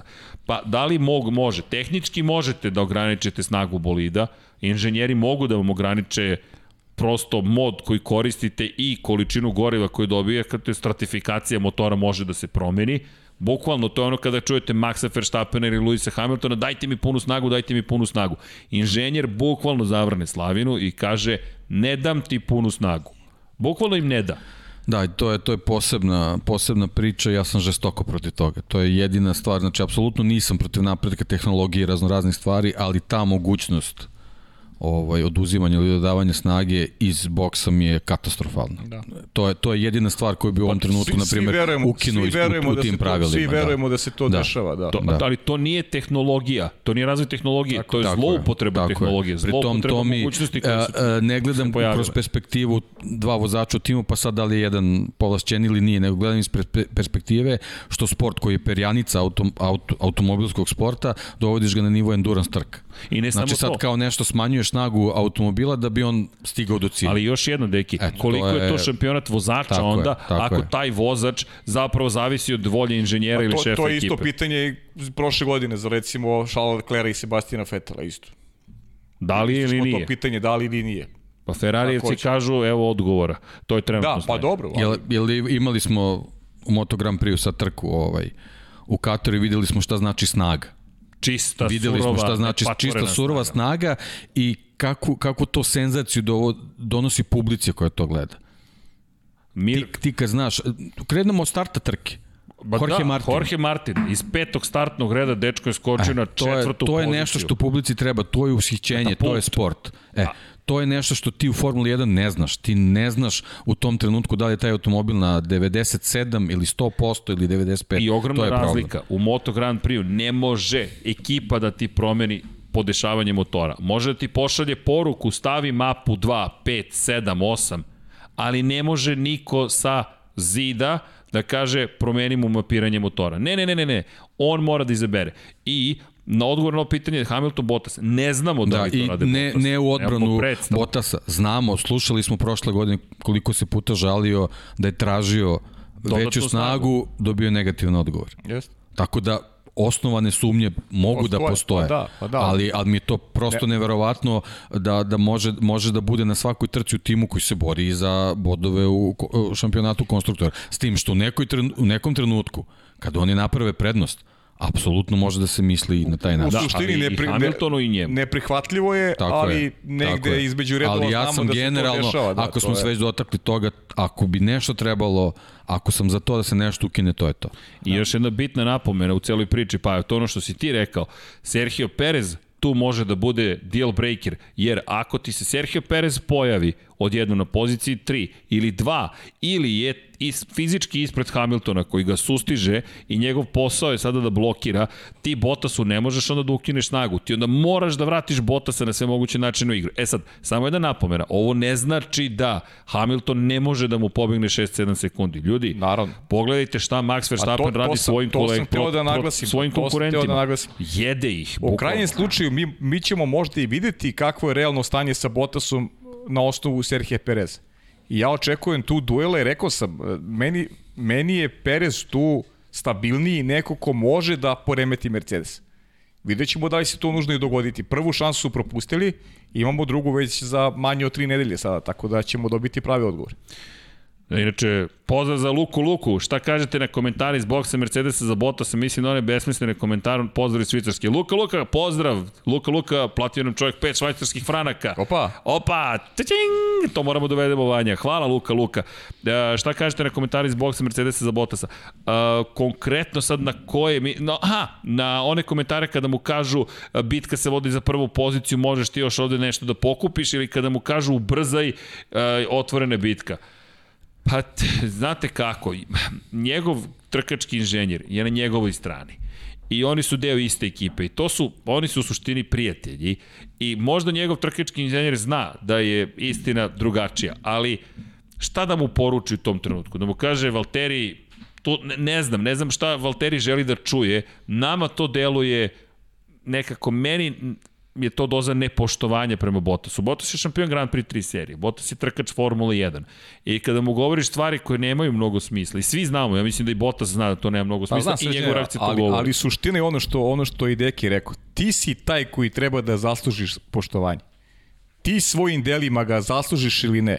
Onako kako se ti postaviš u celoj priči, tako ti se vrati. I sve do Valterija Bottasa nije do Mercedesa. On je propustio šansu da dobije upravo to o čemu ti pričaš. Nije, nije sam radio na tome. Sada je kasno da se stvari promene. Sada, poka, ono, dešavaju se ti snimci gde mu pokazuje Toto, završili smo. U krajnjem slučaju pričamo šta će biti sa Bottasom, pa Toto Wolff i njemu menadžer, Valteriju Bottasu i on menadžer. A video si potez, Šta će da uradi? seci. Toto zna verovatno već sada šta će da uradi sa Valterijem Bottasom za sledeću godinu. Tako da, Da, tu smo imali situaciju par vozača koji su bili pod Briatoreom svoje vremeno.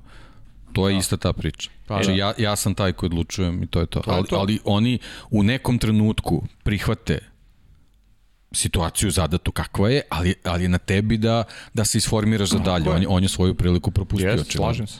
Vanja, može još jedna stvar. Zaboravili smo, ali evo, čovjek nas podsjeća, sad mi je pobeglo ko je, s obzirom da kad krenem da scrollujem YouTube, samo puf, baci sve na, na početku, na početak. Uh, 18 inča, točkovi, ljudi, danas vojde, pogledajte kako izgledaju.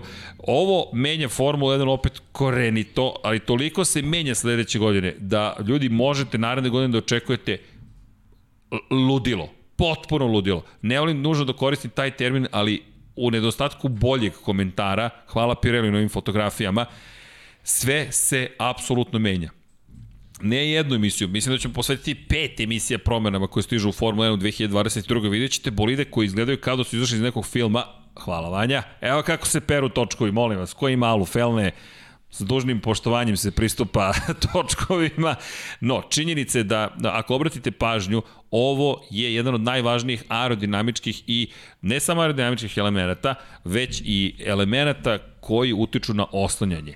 Ovo su amortizeri ogromni i kada sa 14 cola proširite na 18 cola metal, količina gume koju smanjujete i količina gasa koja se gubi je ogromna potpuno drugačije oslanjanje morate da imate napred, mnogo čvršće i oslanjanje koje će imati zapravo potpuno drugačije o performanse. Sad, šta to konkretno znači za Formula 1? Pa, kada biste zadržali ove bolide, pa kažete imamo jednu veliku promenu. Ali kada vi promenite sve, pa još pride i ovo, ja ne znam šta ih čeka, ali činjenica da se istorija Formula 1 zaista menja od naredne sezone i prvi put da vidimo nešto što su nisko profilne gume de facto u Formuli 1.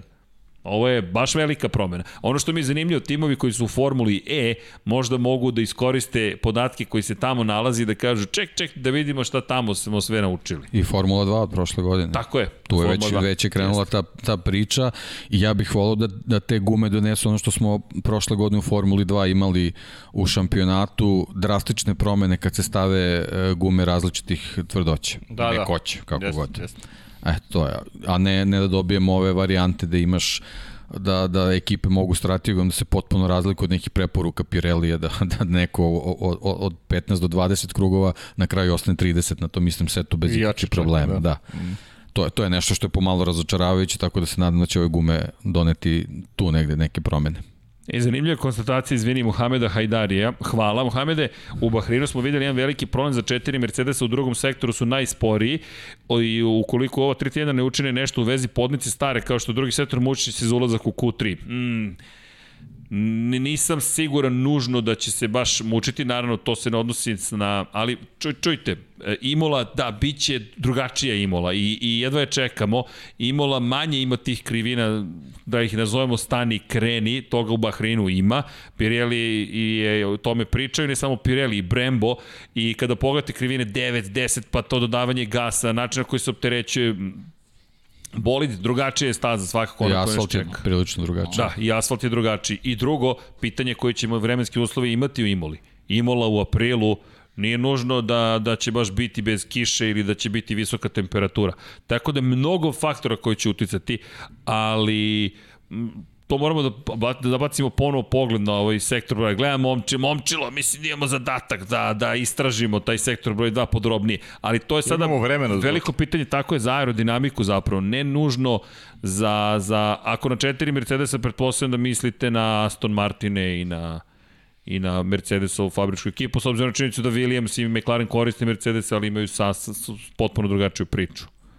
Ovo, ovo pojavljivanje recimo guma je prilika na primjer da, da Ferrari pokaže svoju veličinu da se bolje pripremi od ostalih za nove gume. Za, za novu sezonu. Da, kao što je ranije bilo, kao što su koristili, na primjer, Bridgestone i tako dalje. Pričam, pričam o toj čisto relaciji veličine ekipa. Ali to je sada, to je toliko velika promena, da, da možda i manji tim može da nađe ono nešto zlatno Jeste, ko ali, ali Ferrari može da dobije priliku da to testira i testira i testira. Znači sad je stvar do ekipe koliko će moći da se prilagodi tome. I ovo im, ovo im je prilika za novi početak. El, ako, ako više uh, ovu priliku iskoristi manje ekipa od njih, onda stvarno jednostavno... Ali čekaj, zar ti ne miriše malo na 2009. godinu i na to, mada to niko nije mogao da predvidi baš da će 2009. biti ta toliko drugačije, taj dvostruki difuzor, ali ovo je toliko promjena. Obično kada se nešto menja, kažem, jedno po jedno menjaš. Mi sada menjamo sve. Mi menjamo aerodinamiku suštinski pot. Zato kažem, menjamo. ovo, ovo je prilika da, da se Ferrari konačno ubaci u tu bitku uh. posle, posle toliko sezona. Biće, bi, biće zanimljivo. A, Da li mislimo da je Max napravio grešku što je tako lagano pustio Hamiltona na pravcu? Mogao je i teže da ga pusti, da pruži veći otpor i samim tim bi imao manju razliku na kraju tog pravca. Ali Dejan Janić ima... Nije mogao, čim je izašao na prljavi deo staze, ljudi. Dejan Janić ima, ima drugu teoriju. E, zašto ga nije pustio još jedan krug, kaže da bi ga uz DRS obišao sigurno na pravcu. Da je možda požurio. A ljudi, to je Eto, delić to- to je sekunde sad- reakcije. Pa tako je. To, To on, on je dobio da informaciju, polemišemo, on da. je odmah ispoštovao informaciju, jednostavno mislim da nisu trebali da ga uopšte sklanjaju sa staze. E, Ajde da ja vas pitam, da je uh, Mihael Schumacher dobio informaciju, pusti ga. Da li bi ga pustio?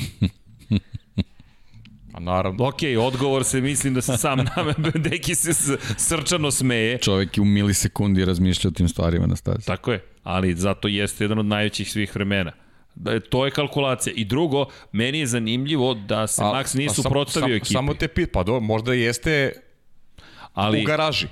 ali, A samo, samo vas pita, mislite da će da, da će da uradi ponovo isto što radio i sada ukoliko se bude ponovila ova situacija? Max. mislim da neće, ali ne znam, zaista ne znam. Ja sam ubiđen da neće. To je isto učenje. Ubiđen sam da neće. Napunio neke klasteri u glavi sa nekim dodatnim informacijama sad. tako Ubiđen sam da neće, da. Ili da li recimo da je bila obrnuta situacija? Da, Šta mislite o tome? To Da li bi bravo, Hamilton? Odlično. da. Odlično pitanje. Da. Ja mislim da ne bi. I ja isto mislim. Ja mislim da bi Hamilton rekao idemo do kraja. A to je sad to, to je sad to. A sad to je iskustvo, šbb, to je- KBB. tako je. Da, da, ali, Ali- ali okej. Ja, Zanimljiva teorija. da, to je odlično pitanje. Ja mislim da bi Hamilton rekao ne. Ne. Idemo do kraja, trkamo se. Mi mislim da bi Vettel u Ferrariju rekao ne. Ne u Ferrariju, bilo čemu da je da bi rekao ne. Isto, isto mislim. Klopskim kolegama je govorio ne, a kamoli protivniku u drugoj ekipi. Ali dobro pitanje, hvala. Da li, ali Deki je odgovorio na konkretno ovo pitanje. Ljudi, silazak na prljavi stranu staze po, u pustinji gde je peska toliko da kada stignete, to izgleda pa i u Moto Grand Prix u Kataru, to izgleda kao da se kao da je kiša pala na stazu. Zaista, prvi prolasci preko staze izgledaju kao da je kiša pala na stazu. Šta mislite kako bi Perez prošao da se kvalifikovao sa petog mesta? Hmm. Kako bi prošao? Pa to bi bilo to bi bila bitka za treću poziciju. Da, tu bi strategija igrala u veliku ulogu. Bitno je, bitno je da bolid bude maksimalno spreman. Ovako kad, kad, kad imaš probleme, kad, kad ne možeš da ga pokreneš, jedva ga startuješ, onda to je već neka druga priča. Ali on je vožnjom pokazao da, da može da, da odgovori na, na svaki zahtev vezan za strategiju tima i to je ono što je Red Bullu potrebno. E, zanimljivo, Aleksandar Gavrilović, Helmut hvali Luisa za onaj potez, kud dalje? A, da, ja verujem da bi Marko voleo da ima Hamilton u svojim redovima.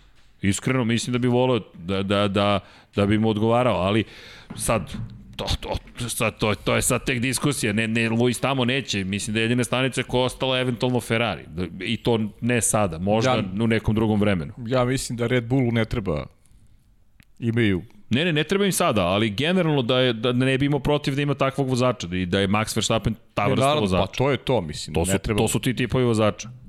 Ti imaš nekog, ti imaš u svojim redovima nekog ko treba da bude ono što je Luis danas. Realno. Samo treba da Moraš da, da ga i treba da ulažeš u, u proizvode da, bi stvoriš. mogu da zadržiš jednog takvog vozača. Jer Max će biti stalno na, na, na, na, na tržištu sad. Stalno će biti na tržištu. Stalno će se otimati najbolji, najbolji oko njega. Jer prosto je neko ko će obelišiti budućnost. Izvini, ovo je pitanje za NASCAR ili Ognjen Radivojević. Ljudi, kakva je, Srki, I- pa, kakva je bila trka u NASCAR-u u Da, i, i, ima pitanje, ima kakva pitanje. je bila? Ja, s- Divlja. gledao sam, morati priznam, gledao sam ve, veći deo trke. Pa kako bi, prljava staza, takva je, trka, takva je i trka bila, sa mnogo prekida, sa mnogo uzbuđenja. Dugo je trajala, s obzirom da je 250 krugova u Bristolu, to nije to vremenski, ne, ne treba da traje dugo, ali s obzirom na broj prekida, baš je bilo zabavno i i pobeda Joe Logana koji je opet pokazao da, da je na tim restartima zaista možda najbolji u toj konkurenciji. Uvek uspeva da nadoknadi poziciju kod svakog restarta i to mu je juče donelo pobedu, zaista je bio impresivan. A ja ovde dobijem instrukciju, Dom Pablo piše, pitaju ljudi za Patreon, stavljaj link. Evo stavio sam link za Patreon. Ko želi da nas podrži, hu, hvala. I naravno da nam znači. A apropo Naskara, me- meni se sviđa što je Naskar na neki način otkačen. Zaista. I što je u celom ovom, celoj priči o, i o krizi, i o pandemiji, i o svemu, rekao, znate šta, mi ćemo sada šljakom da pokrijemo oval, Sad ćemo da ubacimo najbolje vozače sveta u našoj kategoriji u jednu potpuno bizarnu situaciju koju niko od nas verujem da nije očekivao. I što skrenuti pažnju na sebe, što vidjeti ko se tu najbolje snalazi, što spojiti to sa World of Outlaws, ko, ko je pratio NASCAR, kako se pripremaju, vo, voze trke, bukvalno ljudi pošljaci, tamo to, Tony Stewart je tamo jedan Kao što se kraljeva. tenis igra pošljaci, tako i oni voze Bukvalno. pošljaci. Ono, prašina u očima, konstantno ne vide ništa. vide ono, ništa, pogled bukvalno. iz, iz, iz automobila ne vide ništa. Ne, ali da li možete zamisliti jednu takvu svetsku seriju, jednu takvu svetski šampionat da kaže, e, okej, ajmo da uradimo nešto što Ajmo je... da vozimo kao 49 Da, tako je, tako je. Podaj to na biču. Podaj to na biču, bukvalno. Ima kontroverzije, da. ali, su, ali su lako rešive, zato što su jasno definisane pravila. Kod njih, kod njih je sve jasno definisano Sve je jasno pravila. definisano. Sve I znaš ti od početka. automobili to Tako omogućavaju. Je, šta možeš, Da. šta ne možeš, sve se zna od starta. I kod njih kažnjavaju koga stignu. Pa sve, To, ne, nema da li si tu. ti šampion? Ma, jo. Ma nema problema, evo ti kazna. Šta, tvoj šef ekipe prekrši pravnik, pap, diskvalifikacija, četiri trke. Vlasnik je to uradio, pap, po džepu. A ti si to uradio, bum. Ma da. Vrlo su onako striktni, rekao bih, a Vanja, Pa dobro, to je nekako filozofija američkog sporta generalno. Tako da to, to su neke stvari koje, koji ovi neki šampionati koji su nastali u Evropi jednostavno imamo, imamo neke poteškoće da, da, da, da, da dobijemo ta striktna pravila, ne znam zašto, ali eto, dešavaju se te situacije. Jeste. Evo, za one koji, sad ćemo s Vanjom da podelimo jedan status sa Twittera, da vidite o čemu se radi i jeste potpuno drugačije, nešto što zaista nismo očekivali, nije mi nikada palo na pamet da će da, da organizuje. Ljudi, ako pogledate kako je taj projekat organizovan, količina kamiona, kubika zemlje koje, koji su morali da donesu na stazu je bilo nešto potpuno neverovatno i Izvinjam se, i to u takozvanom poslednjem velikom koloseumu. I stvarno izgleda kao da su igre iz nekog rimskog doba. Ne vidiš ništa, imaš 4K kamere, najbolje moguće prenose. Evo, hvala Vanja. Samo bacite pogled. Critical overtime. Oh, he got a good jump with him. You caught it. Ovo je trka Naskara. Ovo je finiš, ovo je, Da, ovo je finish. I greška Denija was Hamlina. straight. I think he's got a right front issue or something. Ali fenomenalno. Kako ti nismo mi osmeh na lice? Znaš šta je interesantno za ovu trku nije gledao što ovde nije bilo onog takmičenja mehaničara. Nego je svaki odlazak u pit lane je bio na 50 krugova i onda imali su kol, koliko im treba vremena da spreme automobil, a sa strane su mašine su e, e, donosile, po znacima navoda, novu količinu Zemlje. zemlje da bi imali onako gledalci jači efekat onoga što se dešava. Šta je ideja ove takozvane prljave trke? Daj, Znaš šta je sledeće? Šta je sledeće? Da kažu, e sad, a sad vozimo u desno. Eto, to je najveći Da, da. izazov. Ne, ovo je tradicija neka. Jest, oni jeste, da. Drže do toga i jednostavno Ali, ali nije bilo, Vraćaju se uspone. nije neki bilo jedno vreme. Ovo je Znam, sad da, da, ali put ovo, ovo je neki povratak na te, te Jeste, neke jeste. početke Naskara i zašto su ljudi u stvari to počeli da vole. Pa da, dobro i mi idemo u Imolu za tri nedelje. ne, da ne zaboravimo. Ima još pitanja, Pajo? Ja, znaš koliko, evo, evo, evo, evo Dorijan Tiček, šta mislite koji tim trenutno može da ostvariti dobre rezultate na temelju skladnosti i prijateljstva, nešto slično kao što su Lando i Sainz radili prošle godine. E, On smatra da je Alfa pokazala već u ovoj trci sa Kimim i Đovinacijem da postoji dobra hemija među vozačima. Pa ja bih rekao da bi to mogli opet iz McLarena da deluju sasvim skladno Lando i Ricardo. Lando i Ricardo, meni tu se za sada njihova saradnja... Pričamo, pričamo o odnosu, pa, o odnosu koji se prenosi i na da, stazu. Ali, da, dok ulog ne bude prevelik. To ću da. Dok ulog ne, bude, ne postane prevelik, to je ono što će biti glavno pitanje. Deluje mi da će, da za sada vode računa i tekako, ali ljudi, niko od njih se ne bori za pobedu. Mene zanima, ok, šta će biti kada Lando i kada Norris i Ricardo, ako se nađu u situaciji ko će da pobedi. Jer sve je to lepo, sve je to nežno, ali ajde da se setimo, ne znam, Damona Hilla i Ralfa Schumachera u Jordanu. 1998. godina u Spa, to mi prvo pada na pamet, gde oni ni ne sanjaju pobedu, odjednom Schumacher udara u Kultarda, za ceo krug ga obilazi i ti dolaziš u situaciju i čeka, ovo je sad otvorena trka, ludnica, pada kiša i Eddie Jordan gleda kako njegova dva jel te, stršljena Benson i Hedges imaju poziciji 1 i 2, Ralf Schumacher je brži, sustiže Damona Hilla, a Koji ima reputaciju. koji ima reputaciju, svetski je šampion i još pride Britanac u britanskom timu sa glavnim britanskim sponzorom. Da, ti si brat rođeni Mihaela Šumahera, ali Eddie Jordan koji kaže, e, e, stani polako. Nisu baš bili prijatni odnosi posle toga. Reaguje na vreme, da. Reaguje na vreme iz perspektive ekipe, ali što se tiče Ralfa, hm. Tako da je to ono što je pitanje. Do tada, ja mislim da će oni da da će da, da, Ali da, da generalno, sarađuju. mislim, recept, recept za katastrofu je kad imaš dva vozača visokog ega, velikog kako ega, ne. tako da Tako je. to, to generalno jednostavno, ali ti ne možeš da budeš vozač ako ti ego nije na nekom Mhm. dobrom nivou. Jeste. To je nešto što, što je ne- neophodno svakom. GP Balkanci, tim koji je najviše iznenadio, koji je najviše podbacio u Bahreinu.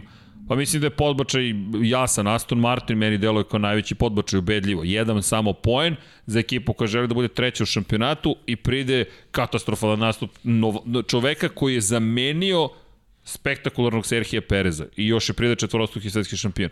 Ko je najviše napredovao, pa rekao bih Red Bull i Ferrari.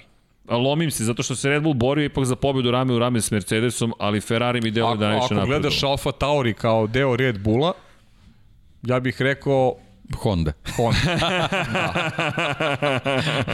da. Tako da ja Alfa Tauri svrstam... Ili posebno u koje je razvijalo motore, kako nismo god, Videli, da, da. Nismo videli zbog Pjera Gaslija realne mogućnosti kroz trku.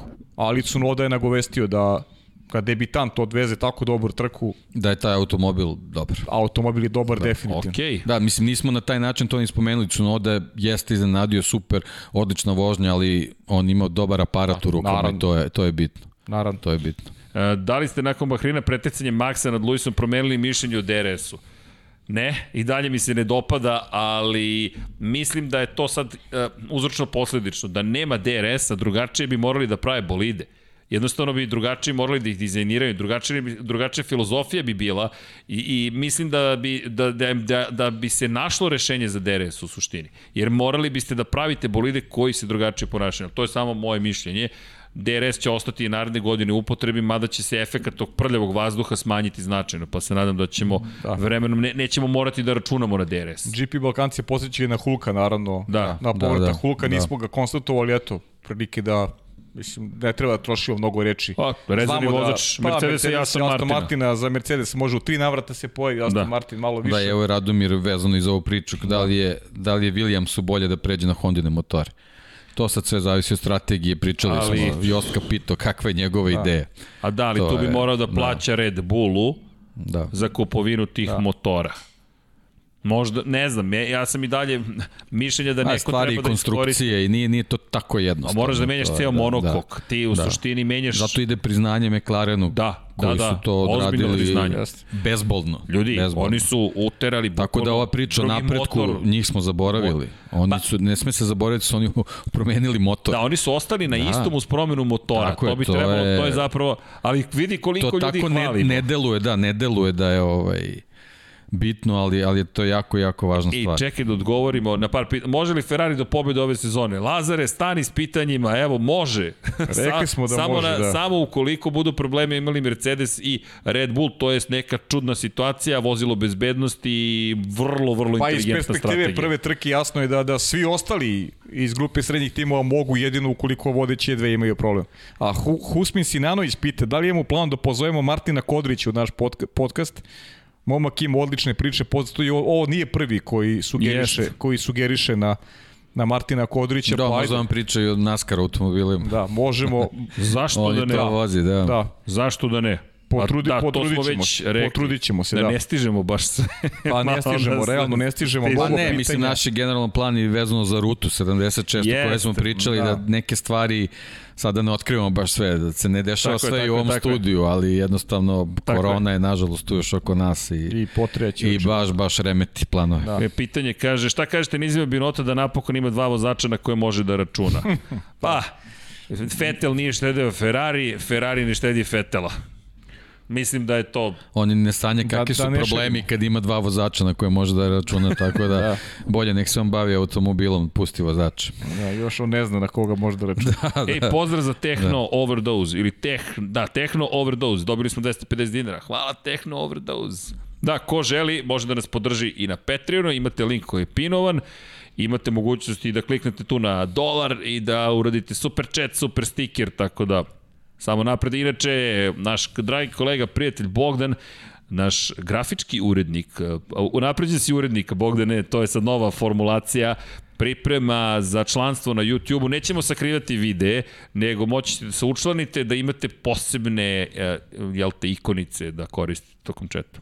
Eto. Mohamed Hajdar ima interesantnu ovaj, observaciju, kaže u Bahreinu smo videli jedno, jedan veliki problem za četiri Mercedesa u drugom sektoru, bili su spori zbog poda, ako u sledeće tri nedelje ne nađu rešenje, za to, to će smo, biti borba za, za Q3. To smo spomenuli, da ćemo da izanaliziramo da, da momčilo je već, ve, da. već smo, već smo okay, upisali. Ali čisto eto da, da pročitamo, eto što je moguće više, zaista ima mnogo pitanja. Da, evo i Vuk ima jedno pitanje, da li mislite da Red Bull mora da pobeđe na ovakvim trkama, trkama ako misle da idu po titulu protiv Mercedesa ili mogu da se zadovolje ovakvim rezultatima kad je staza više Mercedesova?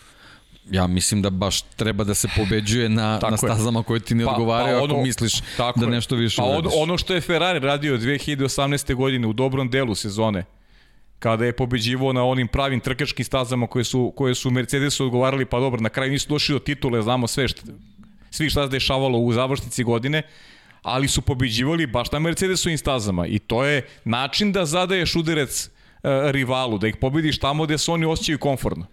Tako da... Dobili smo poruku da smo đavoli. Verovatno nas prate tri šestice. Ok, pozdrav za sve koji ste tu. A, da li smo gledali F2, Area 51? Jesmo, prokomentarisali smo, ne znam u kom trenutku. Jest. I, i, I čovjek koji se potpisuje kao Liam Lawson pita šta mislimo o Liamu Lawson. Sve najbolje da, mislimo, da, sve najbolje, smo, nisi, tako je, tako, nisi pratio. Tako je. Inače, e, pozdrav za Dejana, svaka čast za Martina Kodrića. Nego, imali smo ovde jedno pitanje, sad mi pobeže. Miloš Pavlović kada će biti gost? to je. Čim dođe u Beograd, ljudi, da. rekli smo, nećemo da zoomujemo s Milošem, hoćemo da sedi u studiju na kraju univerzuma i da se s čovekom ispričamo kako doliko. Da, evo za sad je za sad, jedan evo, artikal. Molim vas, Vanja da. Kadarka, naši kolegi i za Paje, čekajte, evo ruka da vam usmeri tamo. Vidite, onaj Lamborghini potpisani, to je zapravo gospodin Pavlović poslao preko njegovog dragog prijatelja, našeg prijatelja i kolege gospodina direktora trke, šalenu stranu, Deki Potkonjak je tu. Deki, e, da, i tu je bilo jedno pitanje ne, kao da li, Masi, da li ste, Deki Messi, da, Deki kao Messi. da li ste za smenu kao ovaj direktor, ja, ja nisam jednostavno, Ma, ja sam ne, za da. to On da oni dobiju priliku da tumače pravila jednoobrazno i eksplicitno. Ja, ja sam za to. Ja mislim ne. da je prevelik uticaj, iskreno, imam utisak kao da Masi je pod prevelikim uticajem. Charlie Whiting iz te perspektive bio ključna osoba. Charlie u Whitingu niste mogli da uđete i da kažete Charlie, e, mi vršimo pritisak na tebe. ne možete da vršite pritisak na Charlie Whitinga. Nedostaje ne. Godine prolaze od kada je preminuo, ali to je ta ekipa kao Sid Watkins nekada davno ne, ne, da je u Moto Grand Prix neki Sid Watkins i da je Mark Marquez prošle godine pitao smem ja na stazu, Sid Watkins bi rekao ne. Kraj. Ali to je takav autoritet da vi ne postavljate pitanje. Charlie Whitingu neko da dođe da lobira, Charlie Whiting nije bezgrešan bio i on je grešio, ali ali opet drugačije. Ovdje imam utisak, jer Masi daje bizarne izjave. Ne, ništa nismo promenili tokom trke. Kako niste? Kada ste upozorili Hamiltona za nešto što ste rekli da je okej okay da radi, A da, onda tom, ste... ovde nije da, se ljudi, da nas ljudi pogledaju što ne razumeju, ne držimo mi ničiju stranu, samo je stvar u tumačenju. E, to je, sad, šta... sad je to ispalo tako. Tako je ispalo, ispalo je ne, Oni ne smeju da dolaze u situaciju da to tako ispada, da, to je poenta. Ali, ali to je neprofesionalno, to je, to je Formula 1. Tako ti je. definišeš sta, ti postavljaš standarde, ti si taj koji ide ispred svih i onda ti kažeš pred početak trke, prvo izdaš, izdaš pravilnik za trku koji je u direktnom sukobu sa zakonom koji si sam napisao. To je ili ti E, napisao sam zakon koji su u sukobu sa Ustavom. A, taj zakon ne važi. Ustav je pre toga. A ti si to dao. Onda, onda neko kaže, ok, ja tumačim zakon. Onda se drugi jave i kaže, evo sad ćemo mi tako da tumačimo zakon. Onda ti kažeš, ne, ne, ne, ipak važi Ustav. Okay El važi ustav ili šta sad važi? Poenta je da, da su ovi, ovih poslednjih nekoliko krugova trebali da budu snimak koji će decenijama na YouTube-u da se gledaju Tako je. kao primer takme, kao što smo gledali 79, imate duel uh, Arnua i Villeneuve u Dijonu. Tako je. Tako je. A, a vi kad budete ovaj snimak gledali, vi ćete da Mi analizirate pričamo kako o je to. kontroverziji. To je poenta. To je to to Formula 1 mora Bravo. da izbegne. to Bukvalno je to. smo ostali uskraćeni za istoriju. Znači samo da sedneš, da uživaš i da gledaš duel bez ikakvih nekih konotacija sa strane. O tome samo pričam. Me- Meni to smeta. To je problem. Ma, mislim, Evo, Max Radex, izvini, ma ne, ne, pričali smo o tome već, tako da nemam, Kaže, nemam šta da... neko uključio mozak, Red Bull, Ring, Red Bull Racing je znatno slabije pozicije, dolazi do konkurenta i se sada imaju najbolju moguću poziciju, titula je sigurna. Max, stojim pri onome što sam rekao, Mercedes je imao mogućnost kontrole situacije. Ljudi, mogao je da pusti Red Bull u završnici da pobeđuje, da radi šta god hoće. Mercedes je već razvijao bolid za sledeću godinu. Mi ne znamo koji će biti odgovor Mercedesa. Mislim da nije sigurna, ali mislim da je otvorena i da ćete imati, da ćemo svi imati duel između Mercedesa i Red Bulla i da ćemo sada videti i jedne i druge u najboljem izdanju. Što vozače, što strategije, što mehaničare, što šefove timova, što fabrike. A to je to ono što i želimo u šampionatu sveta. I naravno proizvođače motora opet fabrike. U slučaju Mercedesa High Performance Power Trains, pošto je to odvojena kompanija zapravo koja proizvodi motore i pogonske jedinice i Hondu koja proizvodi sada do kraja godine i napređuje motor koji će morati koriste koji god korisnici Red Bullovog budućeg motora do kraja 2025. Nakon prve trke, kako gledate na sprint trke, da li će biti zanimljivije? Da, nama slede i sprint trke ove godine, kako stoje Ne, stvari. ja sam tradicionalista po tom pitanju. Da, ja, bih isto, vra, ja bih vratio 9 bodova za pobedu i bodove za prvu šestoricu, da se ja pitam. Tako da nisam, nisam čovjek za, za Da. odgovor na to pitanje. to, to, to, to, to, to. Pita Dejano, će biti podcast posvećen VRC-u pred, pred VRC Hrvatske. Pa to bismo mogli, to, da, to Pa bismo daj, mogli da uradimo. pitanje da. da li ćemo da. ići ljudi Da.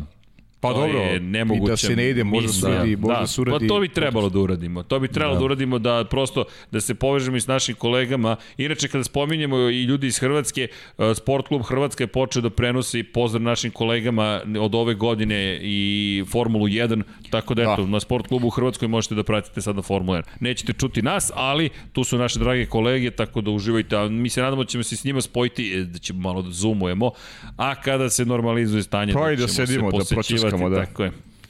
Dorijan pita opet šta mislite da li veće šanse da Verstappen osvoji titul svetskog prvaka ili da Red Bull osvoji titul konstruktora? Da li, izvini, nisam... Da li je veća Šta je veća, šansa? da li je veća šansa Max bude šampion ili da Red Bull osvoji titul konstruktora? Uh, veća mi je šansa da... Uhu, dobro pitanje. Ja Dorijan ne mislim da jedno bez drugog ne može. Da. Okej.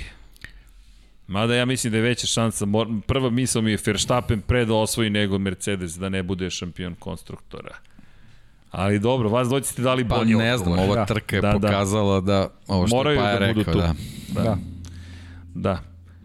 Ilija Dobro. Đuklić, imam tri pitanja. Koja je fora sa varničenjem? Da li postoji neko pravo, pravilo redosledu garaža u pitu? I pominjali ste mod motora u kvalifika- kvalifikacijama, pa ako možete da elaborirate to, pozdrav. Pa evo, prvo pitanje sa varničenjem.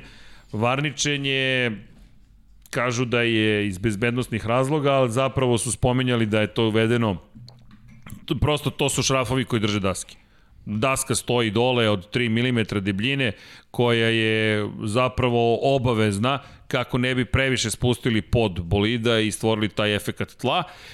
To je sad kod Red Bulla je gotovo i nemoguće, oni imaju taj visoki rejk, zadnji kraj je mnogo podignut i to deluje da im ove sezone odgovara. Mercedes je rekao inače da ne mogu tek tako da podignu za 30 mm bolide, da to tako ne ide. Ne možete tek tako bolide podignete 3 cm, ljudi, to menja kompletnu statiku, dinamiku tog bolida, sve menja. Jednostavno vi morate da prepakujete ceo bolid, to je nemoguće, ali da se vrati na pitanje i kad tu dasku drže prosto prosto je drže metalni, nisu ni štafovi za matice su u pitanju, koje stoje ispod i one varniče. Prosto se polako i sigurno skida komad drveta, ne sme previše i to varniči. Svojevremeno su bile i napravljene da bi se vratile varnice, ali među vremenu je postavljeno tako da to iz bezbednosti.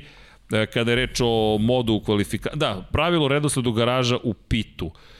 Pa Pa kon, konstruktorski, Da, da, šam- iz prethodnog, iz iz prethodnog- redosled iz prethodnog šampionata. Tako je. Do, Da. da. Na prvom mestu stoga će vam stajati Mercedes, na drugoj poziciji će biti Red Bull, na trećoj poziciji će biti McLaren i tako redom i Williams ćete najčešće videti na kraju pit lane-a.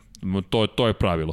E, kada govorimo o modovima u kvalifikacijama, svaki od, od motora ima zapravo takozvani mod. Sad šta sve mod podrazumeva, ne mogu da kažem tačno, s obzirom na činjenicu da možete da podesite i obo, a, način na koji obogađujete smešu kod motora sa unutrašnjim sagorevanjem, kako zapravo i koliko generišete struje prilikom kočenja, prilikom dodavanja gasa na startnu ciljnom pravcu, na primjer kada je reč o motor generatoru na turbini, to jest na, na osovini turbine i kompresora, ili na zadnjim točkovima kada je reč o kočenju i sistemu zupčanika koji je povezan opet sa elektromotorom generatorom.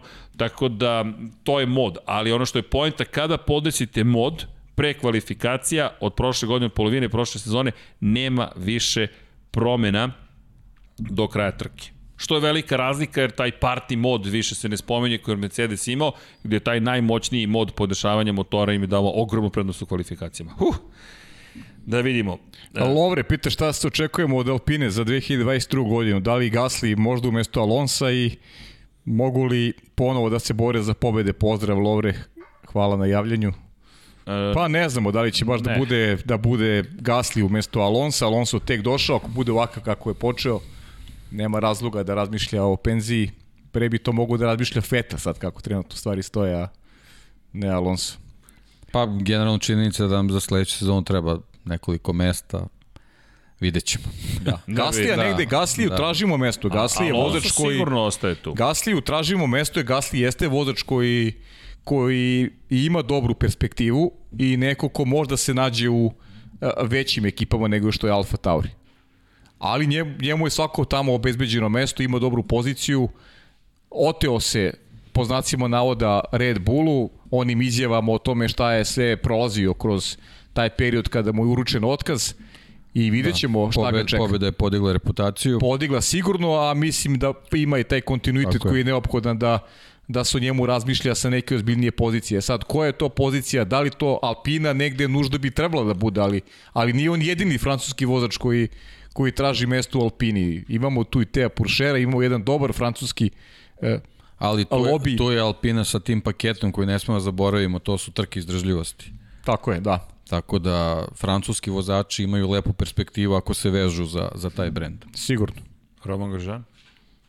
Između ostalog koji bi mogao da se pojavi, to ne bi bilo iznenađenje da se pojavi na trkama izdržljivosti. Sponzorski paket je priličan sa njim. Kao što rekao, da, da tako da. Koferi su Razumemo veliki. On, on kad se pakuje, pakuje dodatan kofer. da, da, ima 46 kg. Leti za New York. U svakom da. slučaju, da. pozdrav za Armina Fazlića. Dve marke konvertibilne. Hvala Armine, pozdrav za ekipu, pozdrav Armine. I ovo je sad pitanje Road to Le Mans. Interesantno, da li gledate i pratite Sports Car Racing? 24 časa Nürburgring Le Mana, svetski šampionat izdržljiv, GT3, da li se radujete Le Manu u 2023? Da, da, da, da, da i da. Radujemo se i ove godine. Apsolutno, radujemo se svaki, svaki godine. godine. E, čekaj, kad već pominjemo 24 časa, momci, A evo ga ovde triumvirat koji Šta već... Šta si sad, kada ti pola sad na pamet Pa 37. A to, okej, okay, ja sam mišljam sad hoćeš 24 pa 37. Ne, 37, ne, ne, ne. 37, planiramo, planiramo, planiramo i, i dogovorili smo se šta je opcija, ako da, da. se ne varam. Da, ali to još moramo da se poklopi neke druge zvezde, rekli bismo. pa dobro, ajde. Radimo na tome. Imamo neke Work ideje, imamo progress. nešto. Ne zamerite što smo kao... Treba izaberao moment samo. Da. I da li se radujemo, pretpostavljam, zbog hiperautomobila? Apsolutno se radujemo. Radujemo Naravno. se i ove godine, a tek sledeće, oh, to, to čekamo sa velikim, velikim nestrpljenjem. Binoto je rekao da će Ferrari biti još brži e, u Imoli, da li mogu da pobede tamo McLaren? E, šta je sve Binoto rekao? Mnogo toga je rekao. Mnogo ali ja mislim, da, ja mislim da mogu da pobede McLaren. Iskreno, u, u Imoli. U Imoli? Da, McLaren. Ja ne verujem da mogu pobediti McLaren. Pa ja sam... Ja se opet vraćam. Strategije, strategije, strategije. Da. Ja ne verujem. Mi, mi smo... Pa, McLaren ima boljeg šefa ekipe. A Zajdl je čovjek le, kultna ličnost, legenda automotosporta. Srđane, sta, to je to ogromna prednost. Ajmo ovako da, po, da postavimo stvari. Gde je bio McLaren, gde je bio Ferrari prošle godine? Pa i pretprošle. Znači, Ajmo pričamo, tako. sad pričamo o periodu od, od, od par meseci. Ok, Ferrari je napravio napredak, ali napravio ga i, i McLaren. Znaš, treba pobediti McLaren u 23 trke. McLaren koji je postavio neke temelje. Pre par godina, kada je Ferrari bio dobar, McLaren je išao nekom uzaznom linijom i došao je do momenta da je sada Ispred Gde je sada Ferrarija. ispred Ferrarija. Tako je. Tako da ne verujem da će se tu nešto promeniti i Ja- da će Ferrari, ok, Ferrari će, bit će trka na podijumu, možda i pobede neka za Ferrari ove godine, Ja ali mislim da će McLaren pobeđivati Ja ove sezone. nešto verujem u, u Ferrari, ne znam zašto. Potpuno iracionalno ove godine. Srđan Vasiljević, gol, 20 evra. U, Srđane, hvala. I to u naranđastim bojama. Vidiš, spomenuli smo McLaren. Evo jedna dama, dama Hvala nam Srđane, javlja, sad bez sve šale. jedna dama nam se javlja, pozdrav, pozdrav od Andreje, pozdrav i mi nju. Zanimljiv podatak, kaže, ako još jednom budu na postolju Hamilton, Bottas i Maxo Borić je rekord na, najčešćeg podijuma. Da, da. Vettel, Hamilton, Rosberg, oni su 14 puta delili po, podijum, ovi imaju šansu da ih prestignu već u Imoli, eto, dobar podatak. Da, a pazi sad to, ko, a Bottas A Bottasa, da, da. A Bottas, A Bottas- da, a Bottas je, spomenut usput. jeste. Pa ne samo usput, nego, ali opet se vraća, ajde, opet Već opet neki je rekao, sve, sve Znaš, rečeno. Bottas je, ne pričamo zbog toga što, što ga smatramo lošim, nego baš zbog toga što smo u njega verovali, zbog toga što smo, pa sjeti se Formule Kako 3, radili ne? smo je zajedno. Pa koliko Ako smo smo bili nekog voleli u tom periodu, u to je bio 1. Valtteri Bottas. E, Sećam se razgovora. Gledaj ovog malog finca, mnogo je dobar. Čekajte, sećate ga su Williams. Sećamo Sve, ga pa se ne, Williams. ali, ali, ali Kako ovo, mi, ne? ovo mi je bilo još upečatljivije. Način na koji on kroz Formulu 3 prošao, kako je osvojio tu titulu, znači on je stvarno ne, nestvaran je bio. Ja se sećam na polovini godine da smo pričali o tome koliko je brz i šteta što ima incidente, što nije pouzdan i tako dalje. I sećam se, radili smo tada iz kabine 8. To se baš Pa, sećam. zato što smo sve radili. Tad smo sve iz osmice Iz, ka, radili. iz kabine nezgodnog broja. Iz kabine ne... Infinity. Hvala ti, Pavle. I, u, u, u, I mislim da je ovo trenutak da se polako, ali sigurno pozdravimo. Došli smo i do... Pa, pa dobro, pa šta? Čekaj, dok sam ja upalio, ja sam u ozbiljnom A, modu. pa do, pa razumeš? vidim ja da si ti ozbiljio priču. Moram malo, moramo da razbe, da presečemo, Kasno znaš. paljenje 7 plus 1 kabini. Da. Dobro. Okej, gde si me? Ali dobro, Jeste, da. radili smo u toj kabini. Kabina da. SK Plus, jesi se sjećaš što je bilo Kako SK Plus? sjećam, pa? SK Prime, SK Prime. SK Prime, moguće. SK Prime, Prime. Moguće da je Prime. Prime, Znam da. da. smo izmislili kanal zbog Formule 1, jesi se sećaš? Jeste, jeste. Da, pošto je moralo da se, to sad ajde malo iza scena, moraš da imaš kanal gde si rekao da ćeš prikazivati Formule. Pa da, pa to je on SK gde smo Prime. u 10 ujutru pa izađemo u 6 popodne. Jeste, i uđeš u osmicu i se, nema mrdanja. To je bukvalno auto motosport kabina bila. Nismo dobili još taj kanal, uglavnom nas izbaci iz kancelarije velikog bossa kad dođemo da gnjavimo za kanal. Jeste. Šefe, mi smo smislili kako 24 časa dnevno može da se emituje auto motosport. Izađite napolje. Ok, ali vidi, upornost je čudo. Nije bilo kao sa Bottasom. Izađite napolje. Ali da. U, čekaj, pozdrav Marko Tadić, pozdrav za ekipu, sjajni ste uživno provodim vreme uz vaše diskusije. Hvala Marko, Marko mi je poslao 1000 dinara. Hvala Marko. Hvala, hvala Marko. Hvala. Hvala. I, o, i šta sad, šta sad da vam kažem kad Paja me ovako negde lansira tamo u Kosmos 8 i tako dalje. Dakle, da, kabina, Digresija. Botas, digresija, da, ode, ode sve, Digresija ode, u kabinu. ode u kabinu. Da, ode u kabinu. Sve ode u kabinu. Ode u kabinu Ode u digresija. kabinu. I ele, mi pričamo o Botasu i gledamo, kao, i ga klinac kako je brz. I on krene, bum, bum, bum, bum, bum, uze titulu čovjek i ode u Pa, Zato su ga angažovali. Tako je, zato su ga naravno, angažovali. Pa, ljudi, pa niko nije ovde, mislim, dobro, ima tu primjera gde, Za- gde je novac Jao. pomazao svašta. on je Pa ne, Wolf momak. Stoddart klan je to sve odradio. Jeste, sve, sve da. to stoji, ali ne, ne bi oni mogli da ga ubacu u Mercedes, da ima neke Tako je, kvalitete. Pa da, što nisu i mene Sve ubacili? pa da. Pa, Pa da. mislim. Jednostavno. Zbog majice. Da. Razvukla se. Pa ne, ne mogu, Ali- samo jedan Mika Salo, ne mogu dvojica da bude. To ti kažem. Ali, ali, ali, ali, sad mi pobeže misar, idi biti više. A, ubio sam tu pojem. Ubio si u Traži pojas. pitanje. Sa- Traži pitanje. Da. Ne, Ima ne, Ne, ne. vidim, neki ko se žale nikako da, da im pročitaš pitanje. E, pa čekaj, jeste, Kaže, čekaj, lakše dobiti na lotu nego da srđan pročita moje Pa, pitanje. da. Čekaj, koje je pitanje? Pa nisam Pa ja ne bolji. znam, to je sad već Pa ko zna gde je. nisam ne. ja bolji Ne mogu ni ja da pratim. A, ne, jeste li gledali ih? Čekaj, čekaj, ali onda te sada nađemo. Pozdrav i Belgije, nadam se da kada ovo prođe ćete biti mogući da dođete u spas sa Gagijem. Samo ti kažem, Dejan sugeriše da se Apsolutno, srđane, hvala. Da se obavezno za podcast u VRC-u pozove Igor Marković i da čujemo kako Igor vidi VRC 2022. sa hibridima. Dogovoreno.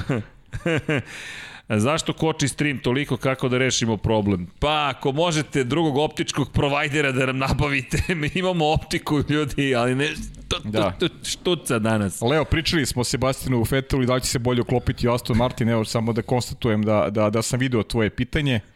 A, Stefan Simić, ne bih se popuno složio s vama da je Red Bull pogrešio što je pustio Hamilton ispred, ispred da je Max nastavio da voz dobio kaznu koju ne bi mogao da nadoknadi, svi bismo pričali o tome kako je trebao da ga pusti i ponovo pretekne jer je do tog trenutka delovao dovoljno brže. Samo misao, eto. Eto i drugačiji malo pogled. Hvala Stefane. Ok. Da. Inače, poruka šta ćemo da uradimo za internet, kako je krenulo, mi ćemo morati da napravimo jedan poseban sistem za, sa tri linka, pa ćemo onda neki tamo terminator kroz virtualni privatni server, VPS da uradimo, pa ćemo da vidimo da, da, da tako rešimo. Jedno 3-4 internet provajdera, ali da, tu smo gde smo. Suš, sutra o Vilenjaka spomene, spomenjite Vilenjake, pustite Vilenjake na miru, prošli put kad je došao Vilenjak nije ni mogli da ga skinemo odavde. Jimmy Franco, opa, davno ga nije bilo. Kada ćete voziti F1 2020 na Playstationu? Postalo nam je 100 dinara. Jimmy, Jimmy, Jimmy, to, to, to, ne znam koliko puta sam već rekao da ćemo voziti. Moramo Twitch da reaktiviramo i da streamujemo ovde. Uh, ne smem ništa da obećam. Evo, ovo ću da, ev- da, Prvo da središ internet, pa onda Da, već prvo se, da, pa kako sad ja ne, Pa, ne, ne, znam, ne znam da ja. iskopam još neki kabel i optički. Ali ovako, Jimmy, u aprilu. U aprilu na vreme ćemo najaviti vožnju, to, to ćemo da organizujemo. Čak i testove ćemo da, da, da vozimo uživo. E, Već sam pitao, ajde ponovo, Leclerc ili Sainz prvi do pobjede ove godine, Marko Vlašić. Pozdrav Marko. Kako? Leclerc ili Sainz, ko pobeđuje prvi? Leclerc ili Sainz? Pa Leclerc. Pa Sainz. Dobro. Da, To je naša bitka, mali, mala bitka. tako je. Pa to je ono, s početka. To je, to je s prvi početka, kaže, to, da, je, da, to, da, je, to. to, to. Dobro večer, pozdrav Kristijane, dobro večer. E, ako imate pitanje, tu smo, odrite, hvala što ste sa nama. Rale Niš, pitanje sve, ko će biti bolje ove sezone, Perez ili Bottas? Hmm, pa to je to, lepota. Opet, ko će osvojiti titulu? To je isto pitanje Zato je, praktično. Bota, zato je Perez tu. Tako je. Srki Pajo, da li očekujete Cunodu uskoro u Red Bullu? Ja očekujem Ognjen. Ljudi, Cunoda, pa, pa eksperiment Perez je u toku. Da, da. Ako, ako Perez bude taj koji Red Bullu donese šamp, titulu u šampionatu konstruktora, nisam baš siguran da će tako lako Cunodu da uvedu. A Cunoda je veoma mlad. Pogledajte zadnji spoiler Red Bulla u gornjem delu šta piše, tako da mislim da, Da. Perez završava ovu sezonu u Red Bullu. Pe, da, Perez, ali mislim da Perez, ukoliko osvoje titulu u šampionatu konstruktora, da će Perez ostati sledeće godine. To, to, to je moje mišljenje, ne znam. Misliš da završava ipak? Ja mislim da je ovo jedna, jedna sezona za Honda Red Bull. piše velikim slovima, to je tvoje mišljenje. To Okej. je to i sledeće sezone. Okej. Ako Juki bude dobar, da je sledeće sezone tu. A gde će onda Perez? U Mercedes? Perez može da hoće. Da, on može da je. Da, da je. kažem, bokove spoilera Red Bullovog, pogledajte šta piše. To je firma koja nosi Serhija Pereza Da. gde god poželi. Daj mu krila, bukvalno. Da, jeste. Dobro, idemo, idemo dalje.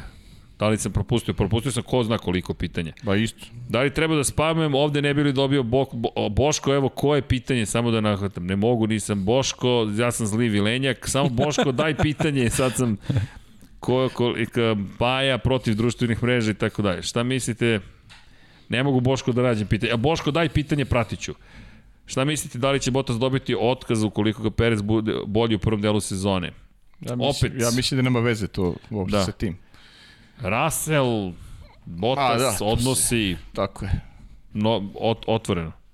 Važnije je kako će se on ponašati naspram onoga što tim očekuje, što, što traži od njega vezano za, za njegov odnos unutar u ekipe sa, sa Lewisom Hamiltonom. I ono što si ti navodio od početka, da li, da li želi da se otrgne kontroli ili, ili opet to samo neka njegova trenutna reakcija. Jer, jer ja, znaš kako, meni deluje kao neko ko je, ko je onako, us, i, trenutno ga zaboli nešto, ne osjeća se dobro, ali to ga brzo prođe. Meni on deluje da je takav tip, da, da, da zaboravi brzo i eventualnu nepravdu koja mu je naneta.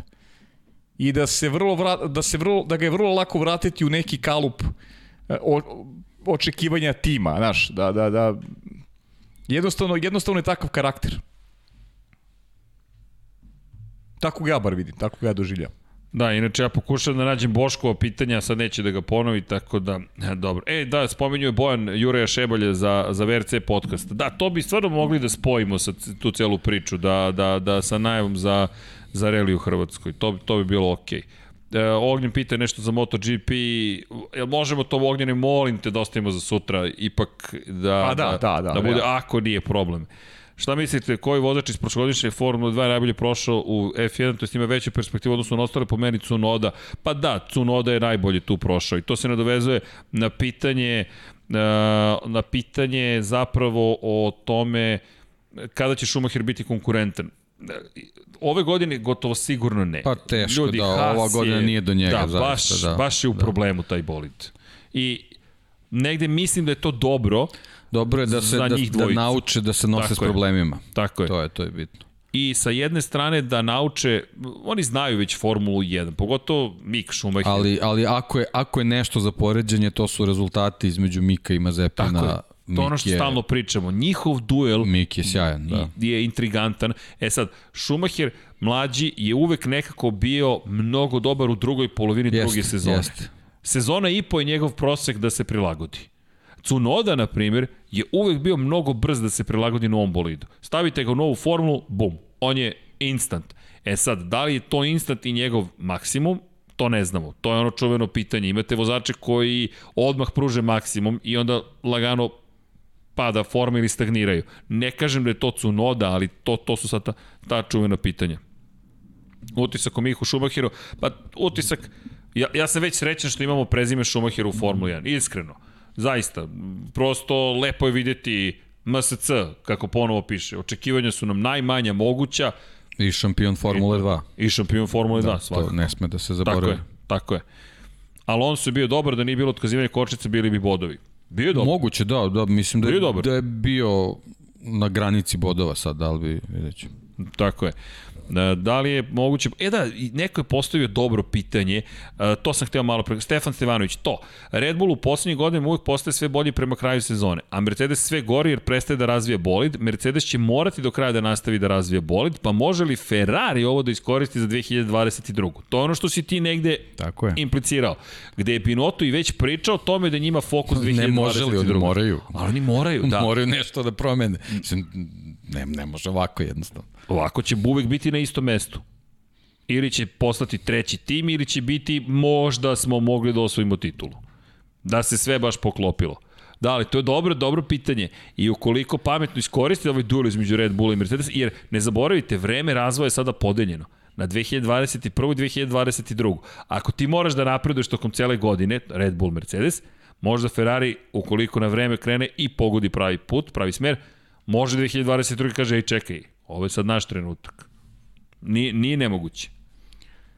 Željko pita, može li Alonso do postelja ove sezone?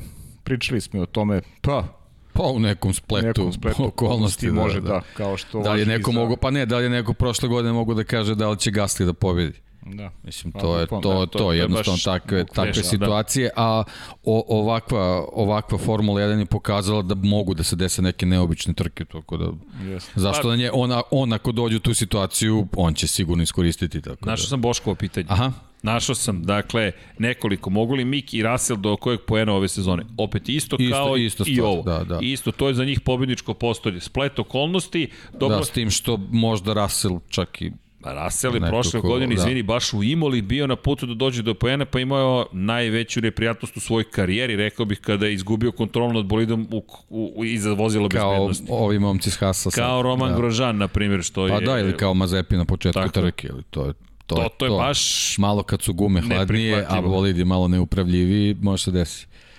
Inače, Boško još jedno, koliko će Red Bull moći protiv Mečke počeši sa sledećim trkom s obzirom na činjenicu da će Mečka napredovati iz ove tri nedelje? Pa, to je to sad.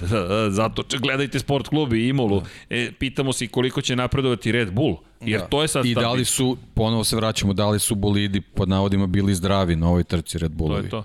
I Amir što kaže, a u Imoli možda kiša. U Imoli kiša sad. To sad, tek to sad otvara neke druge stvari. To je sad, intriga. Da, da. E, Nikola M. pita kako je ono dugme na površini bolida pored mesta gde se račva halo, to jest Oreol, mislim da se primetio na McLarenu. E sad, pitanje ko je dugme? Ima nekoliko dugmedi koje morate da pritisnete. Jedno dugme na kojem piše slovo N je za ubacivanje u ler, neutral, da bi mogli da oslobode bolid u slučaju da ostane zaglavljen u brzini. Dakle, pritisne, to, to na svim bolidima imate, pritisne se N i menjač se prosto izbaci iz brzine i onda možete da ga odgurate. I imate drugo za električno pražnjenje, kako bi mogli da bezbedno pređu hibridnim pogonskim jedinicama, s obzirom, to je hibridnim bolidima, s obzirom na činjenicu da može da ih pogodi struja visoke voltaže. Tako da to, to su obično dugmet koje se koriste. Sad ne znam da li ste nešto još primetili, ali to bi bilo otprilike to. Od onoga što mi makar znamo. Hoće li Ricardo do kraja karijere do titule? E, to je to veliko pitanje. 31 godinu ima i da li je McLaren za titulu, to je ono što je Paja rekao. Deluje da McLaren, Teško. koliko god bio moćan, da će zaostajati kao kupac u odnosu na Mercedes i da je zato možda ta Alpina bila bolja. Ne, ne znamo da bi mu nužno donela borbu za titulu, ali... Da ali teoretski, eto, mogo bi da se nada da u tom projektu nešto, nešto napravi, ali ovako teško. Evo, Cone pita šta mislimo o odnosu Hamiltona prema Bonu i na oni njegove komentare kada mu Bono daje informacije. A dobro, pa, to je, to ljudi, je to oni su tim, ne, ne, oni da, su tim, to, to nema, da, da, da. To. Ljudi, logično je kad, kad je, to je, to je stres, to je adrenalin, adrenalin radi, da. to, to su reakcije Mene čudi što nekad neko od njih ne ispali i neku psovku, možda se možda i postoji pa da, verovatno ne, ne dobijemo sve. Ne dobijamo da, to, ali da. to je ljudi normalno u, dobijemo u sportu. kimijeve zašto su simpatične. Ali, Jeste, da. Ja verujem da to svuda ima, ali, ali oni su tako dobar tim, Ma, tako naravno. su igrani da to Ma, naravno. nema tu. Vanja mi šalje isto neka pitanja. Evo, odgovorio sam i Vanji. Sve stižemo. Aston Martin loš početak, da, ali čekajte, Conqueror 579 put, šta mislite da li će Ferrari biti brži u nastavku šampionata i kako će trenutno dobiti Sainz u Ferrariju, da li će biti izjednačen sa Leclerom ili će biti vozač broj 2. Pa, opet, pričali smo o tome u predsezoni. Mnogo zavisi od samih rezultata. Lecler je svojevremeno uspeo da se nametne, s druge strane Sainz da li će uspeti, ne znamo. To je sada ogromno pitanje. Ja negde verujem da će Sainz biti opasniji nego što mu se daje za pravo, pa je veruje da će lobby prosto i tim koji stoji oko Leklera biti tu moćniji. Pa, mislim, eto, a, a sad... To je sad samo pravimo, pitanje mišljenja, ma ne znam. Da, ma da, ne evo, do, mnogo smo sudili danas na osnovu prve trke. Tako je. I ta prva trka je pokazala, eto, u krajnjem slučaju, Lecler je odradio zaista dobro, bolje od Carlosa Sainca, pa vidit ćemo kako će dalje da izgleda, naravno. Početak je. A, Deki Potkonjak će doživjeti sudbinu koja je snašla i gospodina Paja Živkovića. Zahtev je stigao ovde da se pošalje link ka tvom Instagram profilu. Tako da, evo ga. Posla to. Tako da da, bi, bi, dajte, evo Veljko, stavili smo Da li Formula 1 nedostaje još timova? Uvek. Uvek. Uvek. Uvek, da. Uvek. Uvek. Nekad su bili pred kvalifikacije. Marko Milanović, da govorite Alpini na podijume, deluje da je Alpine iz Alfa Romeo, šta mislite o tome? Čujte, s obzirom na činjenicu da gospodin s moje desne strane rekao da će Antonio Đevinaci stajati na pobjedničkom postolju, se, uklapa se cela priča, tako da, i nije nemoguće, ljudi, ono što je Deki rekao, Gasli prošle godine ljudi pobedio ko zna, tako je jedan luda trka, ali Alpina nije isto što je Alfa Romeo. To je fabrički tim, cela francuska država praktično stoji iza tog projekta i ono što je Dejan rekao, to je ogroman projekat koji se prostire kroz više sportova, to je disciplina u okviru automoto sporta, to je projekat takođe novog pristupa, pristupa celoj deceniji zapravo. Ako ste gledali prezentaciju Alpine ove godine, to je sada za podela se desila u načinu na koji se pristupa ciljnim grupama to je sad deo marketinga. Early adopters su sada opi, je sada opis za ljude koji treba da koriste Alpinu. Dakle, nije po demografiji, muškarci, žene, toliko i toliko godina, toliko i toliko para. To se sve implicira kroz stil ponašanja, taj takozvani behaviorizam. A to je, ja sam osoba koja želi da prva ima nešto, ja ću prvi da prvo da usvojim kao osoba određenu tehnologiju, određeni stil života ili šta god već da to podrazumeva. I Renault je uzeo kao grupacija i rekao, ok, ovo je robna marka, to je brand koji će biti zadužen za to. S druge strane, su stavili Renault kao svoju glavnu robnu marku i s treće strane Dacia.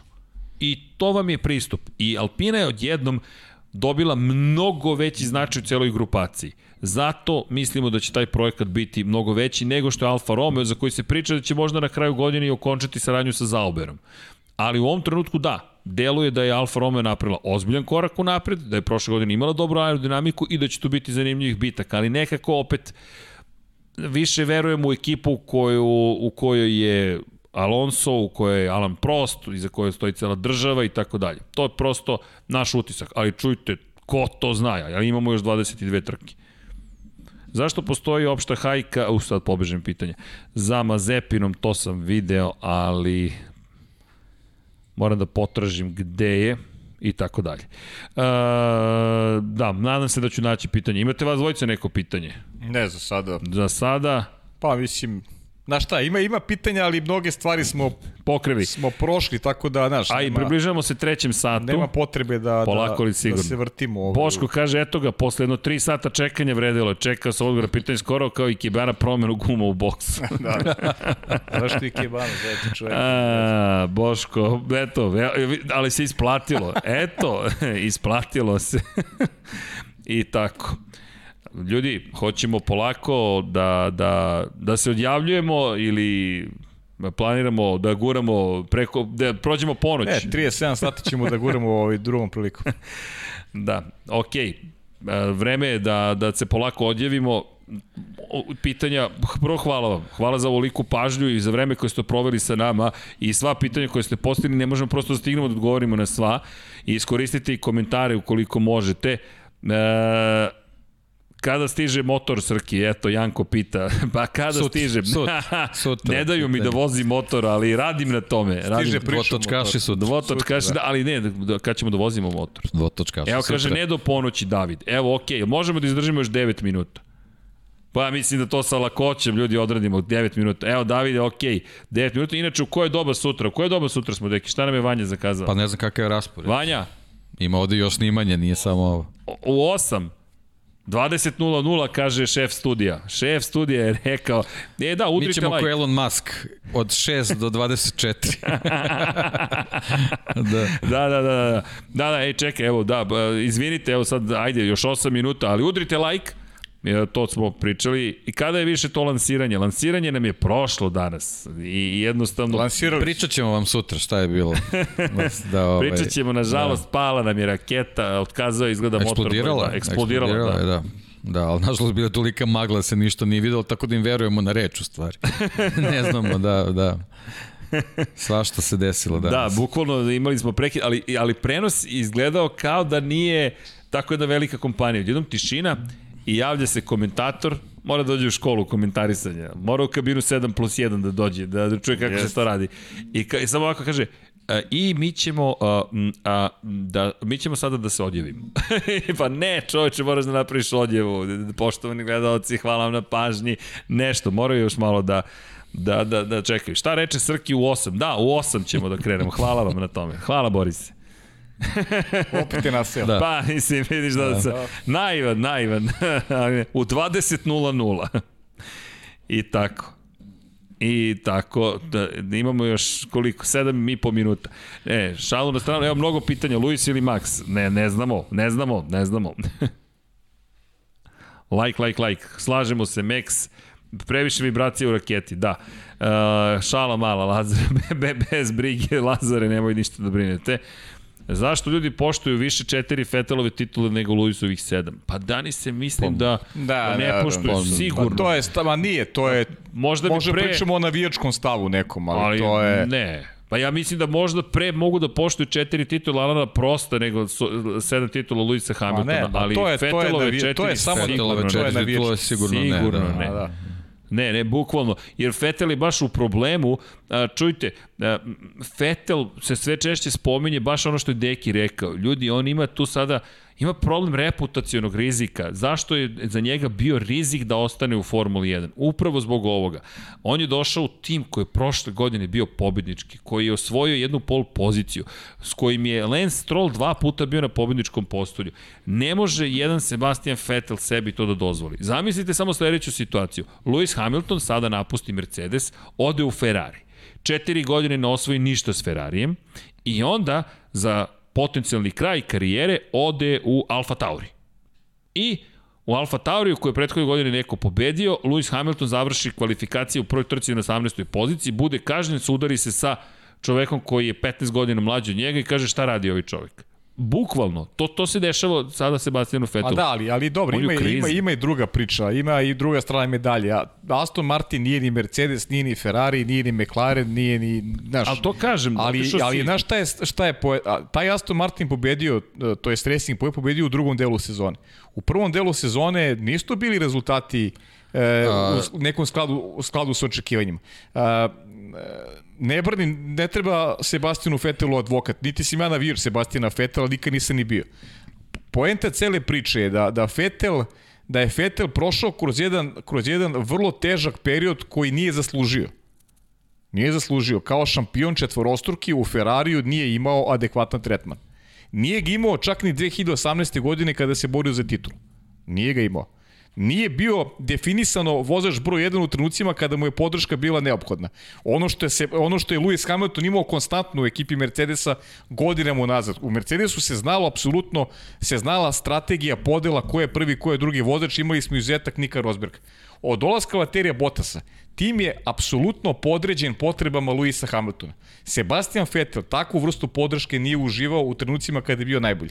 Prošla godina, prošla godina je jedno, jedno srozavanje ličnosti Sebastiana Vettela od strane Ferrari. Ponašanje je kao da je u pitanju neki početnik. I to utiče na psihu čoveka. Čovek treba kao treba da se oporavi, treba da se oporavi od cele priče.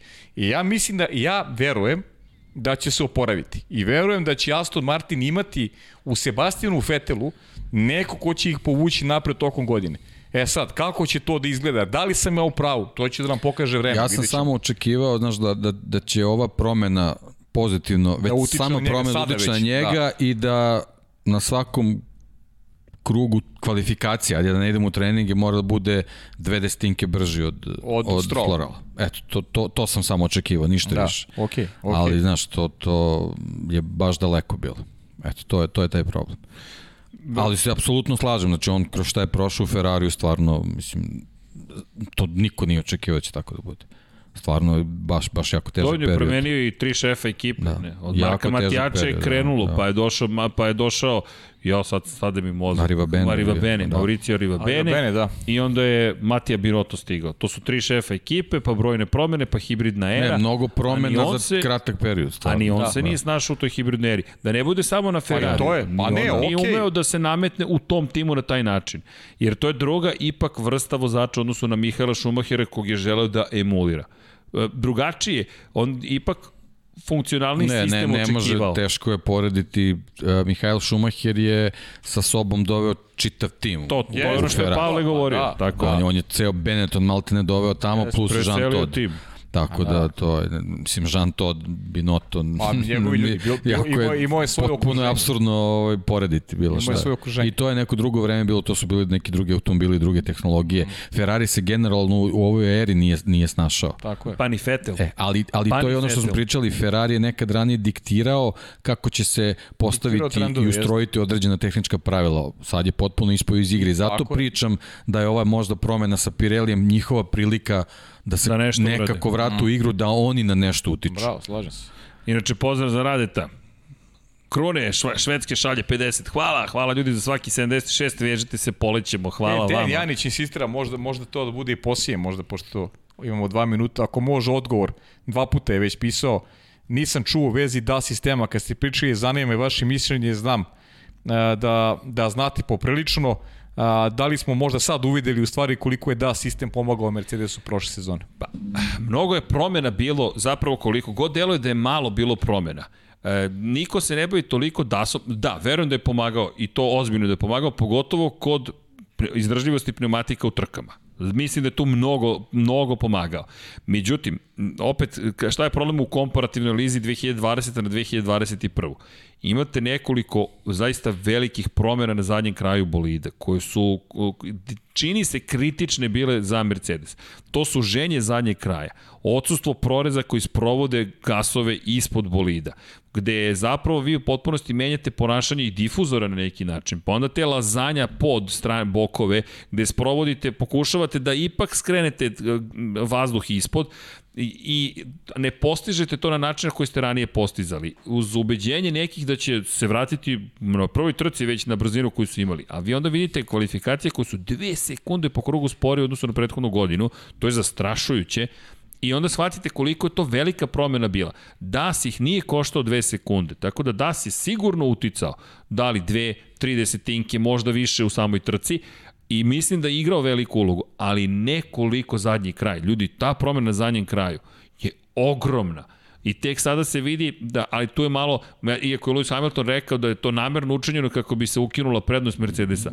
Ne, čak su spekulisali da će više da pomogne to ukidanje bolidima koji imaju nizak zadnji kraj nego visok, pa se desilo obrnuto. Tako da, mislim da Luis, pa niko ne voli da gubi prednost koju imao ili da vrši politički pritisak, ali ovo mi deluje više kao hajde, možda je on čovjek u pravu, ne znam, ali sve spekulacije su govorile prvog tome da će odmoći drugima, a ne Mercedesu, ali tako se prosto desilo.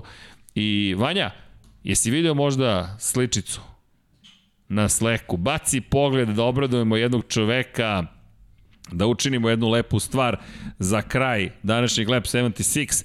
Imamo, mi smo započeli Fantasy ligu, ljudi, nemojte zaboraviti, evo bacit ćemo i link ka njoj, 614 ljudi već učestvuje i evo Janko, može jedan mali poklon za, za, za pozdrav, Janko Sretenović prvi je u ligi 269 poena posle prve trke, to je Aljoša, pa Sanam, pa Goran, pa Mildrag, pa Ivan, pa Miloš i tako dalje i tako dalje, tako da ozbiljna bitka se ovde vodi ali 269 poena, svaka čast. Neću da otkrivam detalje, šta, gde, ko, kako. Ako hoćete, špionirajte druge timove da vidite kako su poeni osvojeni, ali zabavno je u svakom slučaju u ligi, pa eto, ko hoće, neka se pridruži. Evo ga link za kraj.